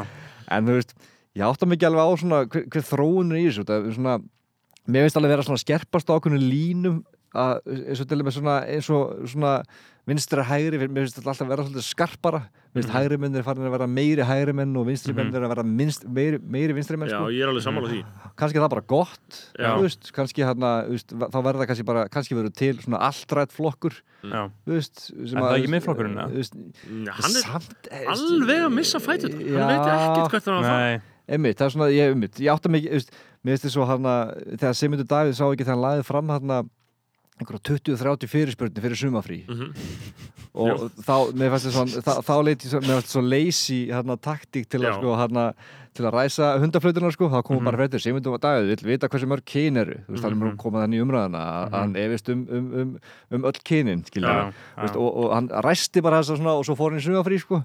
Veist, hann var ekki einu sinni á Facebook til að, svona, til að takla þetta sjálfur sko. hann að miðflokkurinn er svolítið þreyttur sko, og hann að sjálfstæðisflokkur er kannski kemur svona veist, er alltaf eitthvað ákallum alvöru hægri flokk en svo þetta þú veist, þóra sem enn ekkert að stopna í einn flokk en þetta er alltaf verða svolítið skarpara sko. Mhm. þannig að svona, það er kannski bara svona og, og, og kannski bara gott hjá samfélagsmiðlum að, að sína okkur þetta sko. kannski Mhm. er þetta eitthvað sem hefði farið fram með okkur og komið okkur á óvart þegar eitthvað slæmt er búið að gerast eða eitthvað Já, og ég held líka sko að, að dæmis, ég veit ekki, mér finnst svona núna alveg upp á síðkasti þá svona þá er komin eitthvað svona slagkraftur í til dæmis svona anti-covid hægri mennsku sem er svona Já. bara orðið mjög mainstream hjá bara Já. með venlegum hægri mennum, þannig að bara aðstofmanni hérna Benediktssonar, Benediktssonar, bara Hersi Aron og, og Áslegu Örnu og þeir, því krúi. Já, og, og hinn Andriu Sigurðardóttir sem er á viðskiptablaðinu. Hún er búin að fara bara ganga fram fyrir skjöldu bara rosalega, harkalega Mhm. sem svona skeptikar á það að við þurfum yfirleitt að vera í aðgerðum núna. Skiljilega skeptisismi líka sko. Já, já. uh, og Já. bara, þú veist, bara eitthvað sem á 100% rétt á sér. En, en frettin í því er sko, meðbyrinn sem hún fær. Og það er bara 300-400 likes bara af og þú veist, ef maður fer inn í tweetin þar það eru svona eitthvað svona bara svona 66 á norðurúlpu hægri menn bara eitthvað svona basic bara og fólk líka bara, bara. alls konar líka bara sem maður held að vera bara vinstri menn sko. Já, Eh, já, já, vinstri menn, það, einmitt. það er líka bara út, af þessu óþóli sko. Já, já, Einmitt. það er bara orðið algjört sko. Og við, erum, fá, við fáum fréttastofan við fáum endarust að póstum og líka bara frá fólk úr alls konar samfélagin bara, bara heyri, ekki meir, ekki hættiði, meir nenniði núna bara að fara að spyrja þú veist, gaggrina spurningar eða nenniði bara eitthvað neina, að, er, þetta er, basically bara fólk að fara til mömmu sem bara segðum að hætta bara, hættu, bara hættu núna ég vil ekki meira, ég get ekki meira þú veist, og það er náttúrulega, það, það er svona bara þetta er bara orðið svona pathetic skilur, ástand. En ég held að uh, á samfélagsmeilum gerist þetta sko, og, og sömulegis með vinstri mennsku þar er svona sósalíska Twitter, þú veist og, og heið alþjóðlega sósalíska Twitter sem er eitthvað sem ég fæ svolítið inn á mitt feed sem er svona eitthvað svona fólk að tala gegn fyrirtækjum og eitthvað svona fuck work dæmi og svona, þú veist, eitthvað, ég ætla ekki að vinna og bara Já. svona skeptisismi á uh, bara kerfið, einmitt. og það er svona eitthvað, það er ekki rosalega er stert á já, íslenska Twitter. það er bara eitthvað lið með 219 followers Já. Nei, nei, en samt eru oft 220.000 likes, skilur Mér finnst þetta oft svona, um- anti-Amazon en þú talar um bandarist. Já, ég er að tala um bandarist, svona eitthvað á móti Amazon það, er rosalega stórt anti-stórfyrirtækja það er líka Mm, ákveðin svona kategória inn í þessu. Mhm. en ég meina, okkar er bara þarna Austan sem er þarna, þarna hvað heitir hann heitir hann ekki Bjartur, hann er hann að tala um hann með skeggið, hann var íþróttagaur, ljósari, já. hann er alltaf að tala um. Fidel Castro. Já, ég fokkin dykka, ég elska Fokkin Já. góður að því. þannig að þetta er svona, já, já, þetta er, þetta er uh, en ég veit ekki hvort þetta, þú veist, og, og það er líka eðlilegt að þú getur ekki svaraði, maður veit bara ekki hvert það fer, sko, og ég held að við getum hlusta á þannig að þátt þetta fimm ár og verið bara eitthvað að þetta var svona bláeitt, skilur, ég, að einhverju Já. leiti, þú veist, einmitt, einmitt Já, einmitt. Og það, það samt skrítið líka satt í þessu ástandi að sko, að verði ekki til sko, sterkari flokkar fi- Já. fyrir fólki sem er ekki þarna sko, sem er, er þarna mitt á milli. Einmitt. Vill bara, eitthvað no nonsense dæmi sko. Veist, það er enginn að ná vopnum sínum, það eru kostningar núna eftir tvo mánu og, og flokkarnir eru stjórnarastæðin að spurja hana, er að byggja ríkistjóðunum að leggja fram einhver, einhver, einhver, hana, einhver að skýra sín á, Já. á aðgerir langar ykkur ekki í atkvæði? Þú Já, það eru tveir mánuður í kostningar Já. og þeir eru actually, eru þess að svona vissum að tapa að þeir vilji bara þau komur sínuna Já, akkur, veist, ég fór hann á ve- vefsíðuna í gær hjá sko, samfélkingunum og við erum svona bara að tjekka Mhm. það er ekki orð um sko, COVID-ar sko. Nei, ok. Og það er Einmitt. enginn að gera neitt Nei. og þetta er svona miðju e- eitthvað akkurat, sko, er og það eru allir á Íslandi að velta þessu fyrir sér. Já, þannig að sama sem þú veist, það er eh, að, að fá sko, fá athygli á hana, á svona hana, á, á svona sín einhverja þú veist, væri bara ótrúlega easy þetta væri Mhm. bara, þetta myndi bara automatík fá mjög mikla Já, og, og góð og slæma sko, þessum maður vill í pólitík Mhm. og hana, en það er enginn að gera neitt og þeir eru actually að byggja ríkistunum um þetta sko. já, já, og- en, en, en, nennist ekki sko. en, en Mhm. hvernig gæti samt svona sín lítið út? Þú veist bara, ertu að tala um að segja bara, þú veist, við ætlum að gera þetta og segja þetta og segja það þetta? er mjög góð spurning en þess að þau eru að byggja um þetta en, en, en, just, Já, en samt að mínum að er, er, er þetta mjög erfitt og ég hef mikla samúð bara fyrir ríkistöðinu að þurfa í þessu út af því að það veit engin neitt nei, og eins og með þetta núna með, þú veist, þegar við vorum að fagna þessu veirus og sumri þá heldum við alveg að bólefni mundu halda mhm. og sérfræðingar heldu alveg líka heldur allir, Ég það var ég- að efast um það, sko. Efaðist ekki um það í eina eini maðurinn á. Íslandi sem efaðist var King Þórlur hann var eini maður og hann sagði bókstala á afleitingadeginum bara ég, ég vil ekki vera leiðilegurinn í partíinu en þú veist, þetta er ekki búið. Þetta er bókstala Já, kvotið í á þessum degi. Hann sagði, og fólk er eitthvað alltaf veist, að nota eitthvað, veist, vera eitthvað að fókast í honum. Já, veist, ég er bara ekki vinn- snert Nei, sko. þegar vinnan hans er Já. að segja þetta og hann er að standa svo ógeðslega vel í því. Að- Þetta er eina vinnan hans. Nei, og vinnan hans er að tunnel vissuna Já. á heilsufarslegt ástand skilur hann á ekki að pæli hvort að þjóða því eigum sér haldin Nei, eða hvort að sjálfsmórstími Já. getur aukist Nei, nei, nei, Hann er, það er alltaf verið að tala bara Hei Þórlur, það er fólk að drepa sig bara hei, róum okkur Þórlur hefur ekkert um það að segja sko. Það væri svandi svavastóti helbriðsáþara sem þyrfti að segja hérna Þórlur, hérna, nú er þetta gangur langt ég ætla ekki að samþykja þetta. Og þá veit þjóðin það bara að ég er ekki að samþykja það sem þú segir. Þau eru alltaf að skila sér baka veist, þetta er, er, þetta er svo crazy það er svo crazy að séu með þá að ræða þetta ríkistöndin líka samþykir öll þessi mál Já, og alltaf. samt, þú veist, svo, svo, svo þú veist, eru einmitt hana, hægri hana, krakkandir á Twitter Mhm. hana, stuðpörsna strákandir nýju að, þú veist, að, að, að, að, að var alltaf einmitt beint í, sko, alltaf með Vafgi, sko ég er svo sem enga samúð fyrir Vafgi en, einmitt. en þetta er líka sjálfstæðarflokkurinn sem að ber ábyrð á öllu þessu, sko og svo voru allir auðvitað bara King Bjarni Ben þegar afleitingarnir voru, sko. Já, það var já, svona já. svo Og ótrúlega ástæður, skýrt, sko. skilurðu? bara fucking velja nákvæmlega það sem en þau En það var samt sko. vissulega gott moment í faraldurinn var þegar íþróttagaurarnir voru að tala um að Svandi sem aldrei farið í já. Það er eitthvað hún hefði aldrei farið í rættina eða Mætti- svona- mætti í íþróttatíma í skólanum. Þá, þá mætti Bjarni alltaf bara með, backpressum Ég er með 120 kíló í bekk Já. bara eins alfa að það gerist sko. Gott, sko Það er mjög öflitt að taka 120 í bekk sko Ég meina, Ég meina- sterti að bjana Já, menn, menn er ekkert að yngjast, sko. Nei og ég veit ekki, ætli maður verði svona, þú veist, þú veist ætli ég, ég var að hugsa um það skilur þegar Bjarni gerði þetta þá var ég að hugsa skilur, ok, þegar ég var 50 ára ætli ég muni geta þetta betur þá eða þegar ég er vissulega sko að verða aðeins sterkari með aldrinum sko. Já, já ég, held, ég held að þessi svona, svona kraftlýtninga sterkur sko, hann að og bekkur eitthvað svona sko, ef þú heldur bara áfram svona, veist, jamt og þétt með aldrei, þá ertu bara alltaf að bæta þig sko, veist, að, smá metnaður borðar svona aðeins eins og maður sko, já, svo er líka sem er bekkin, þetta er svona æfing sem að sko, ef þú þingist að þá svolítið, helst þingdin í bekk svolítið hendu við það sko, þannig að ef þú bætir aðeins svona old man kílóum sko, þá er það ekki að fara að klúra bekknum. Nei. að vinna með þér. Ég sé að það alveg fyrir mér að því verði orðin góð 105 kíló bara steipul, þá verði ég örugglega bara, geti ég örugglega tekið 110-120 kíló alltaf bara sko. Nákvæmlega, við viljum sjá það á Twitter sko. Já, ég bara væri hella til ég enda 120 kíló með bekk sko á Twitter. En þetta er, já, þetta er uh, þetta er líka til margs um það að pólitík snýst um það hvernig þú fílar.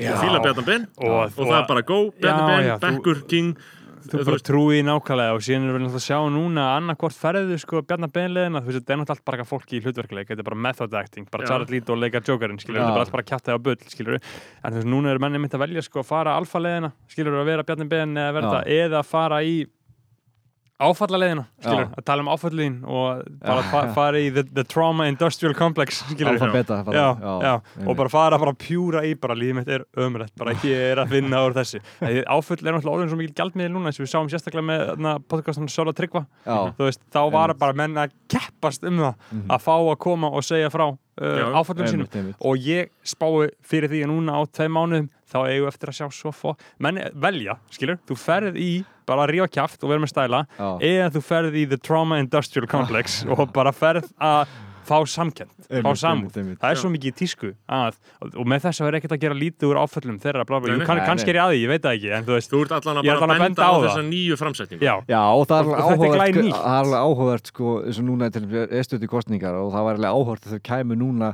að horfa á tímasetninguna þú veist, ef við Já. tala um þetta veist, að þá þú veist, á þess að ég myndi að gera lítur á áföllunum og þá er alveg áhugavert að fólk Mhm. Nýti sér þau til einn fyrir- framváttar sko. fyrir 20 En mér finnst það árum bara veistla, ég Já, elska það, þú það veist, Skilur? Af því fyrir- að Þetta gefur mér sem fjölmjölamennir bara content, bara endilega gott í viðtal En ég meina, fyrir 20 árum þá hefðu öruglega, þú veist, Gulu Þóru og Ásmund Reynar ekki talað um svona sitt dót Nei, sem nei. hafa verið að tala um núna. Þeir sjá bara núna, fara til Sörla Tryggva, Einmitt. opna sig, einlegur. Hvar gerði Einar það aftur? Já, Sörla Já, Tryggva. Það var í auðvitað líka bara þú veist, vil, og svo, er, svo, verður maður líka að horfa á hinnanlínum á peningunum að það, það eru þetta gott að alltaf mikið fólk sé að gera þetta sko. Auðvitað. og, og þetta, veist, Bara fyrir já, sko. og bara pottet bara og orðið þess að fleira í gert það og, og orðið fyrir samskunar reynslu og viljið loksist tala um það og þannig að svona, maður, svona þetta þetta er Já, það eru tvær hlýðar peningum. Þetta er mjög gaman sko, ég, en ég, atna, það verður verður, ég held að núna, sko, núna erum við á, atna, núna erum við, sko, hérna, 27. júli eða eitthvað svona, Mhm. það eru, að, ég held að séu bara svakalega skrítnir umbróta tímar í vændum, sko, Já. allan á svona allra næstu mánuðum í höst, þú veist, ég er mjög fegin að vinna í blaðamenn, sko, núna, en þess að ég vakna hverjum degi og ég vel bara að mæta þetta kljóða nýju Choose og séðan bara gerist og choose life og séðan bara gerist fucking eitthvað. Og ég er samt, ég er í alveg alltaf, ég er alltaf bara í vinninu eitthvað og svo er einhver að segja bara eitthvað heyrðu, já, þarna, þeir fundu þarna lík þessa og ég bara, maður bara, já, ok, þarna, hendið inn hann bara, let's go, eitthvað, þú veist, Já. ég bara, heyrðu þarna, stærsti COVID-dagur, þarna, ársins núna, bara, já, þarna, getið hendið inn á vísinu núna, við tökum eitthvað í kvöldið um það þú veist, þetta er bara, þú veist, þetta er, er ekki, þú veist, það er júli, sko. Það er sko hápunktur júli og við erum á, á yfirflóði alltaf, þú veist, það er svo að mikið um að vera að sko. það á ekki að vera neitt að gerast sko.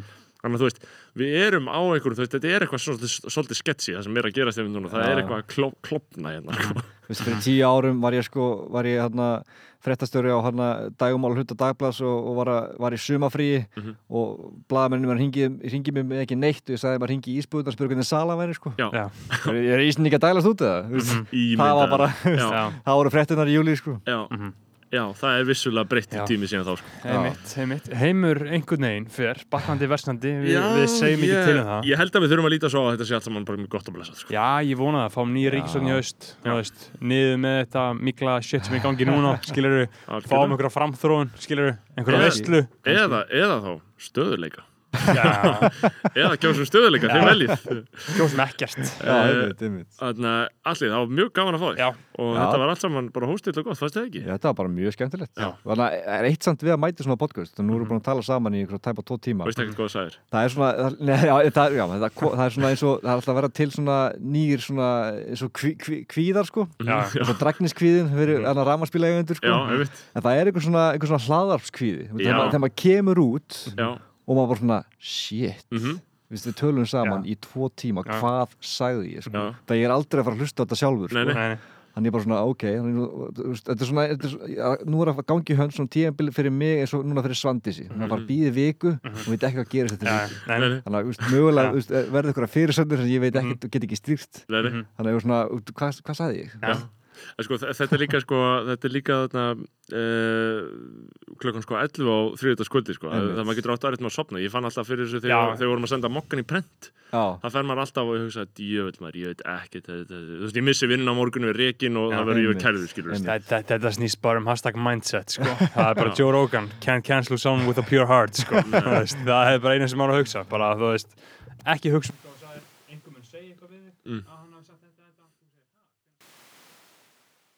Já. Eh, uh, Herðu, eru við ekki bara uh, ferskir? Jú, Já. ég er mjög góð bara. Herra allir, takk fyrir að koma og guð bless ykkur kæru hlustendur. Já, takk fyrir mig. Fyrir hver að bakinn um að sé bróður eigi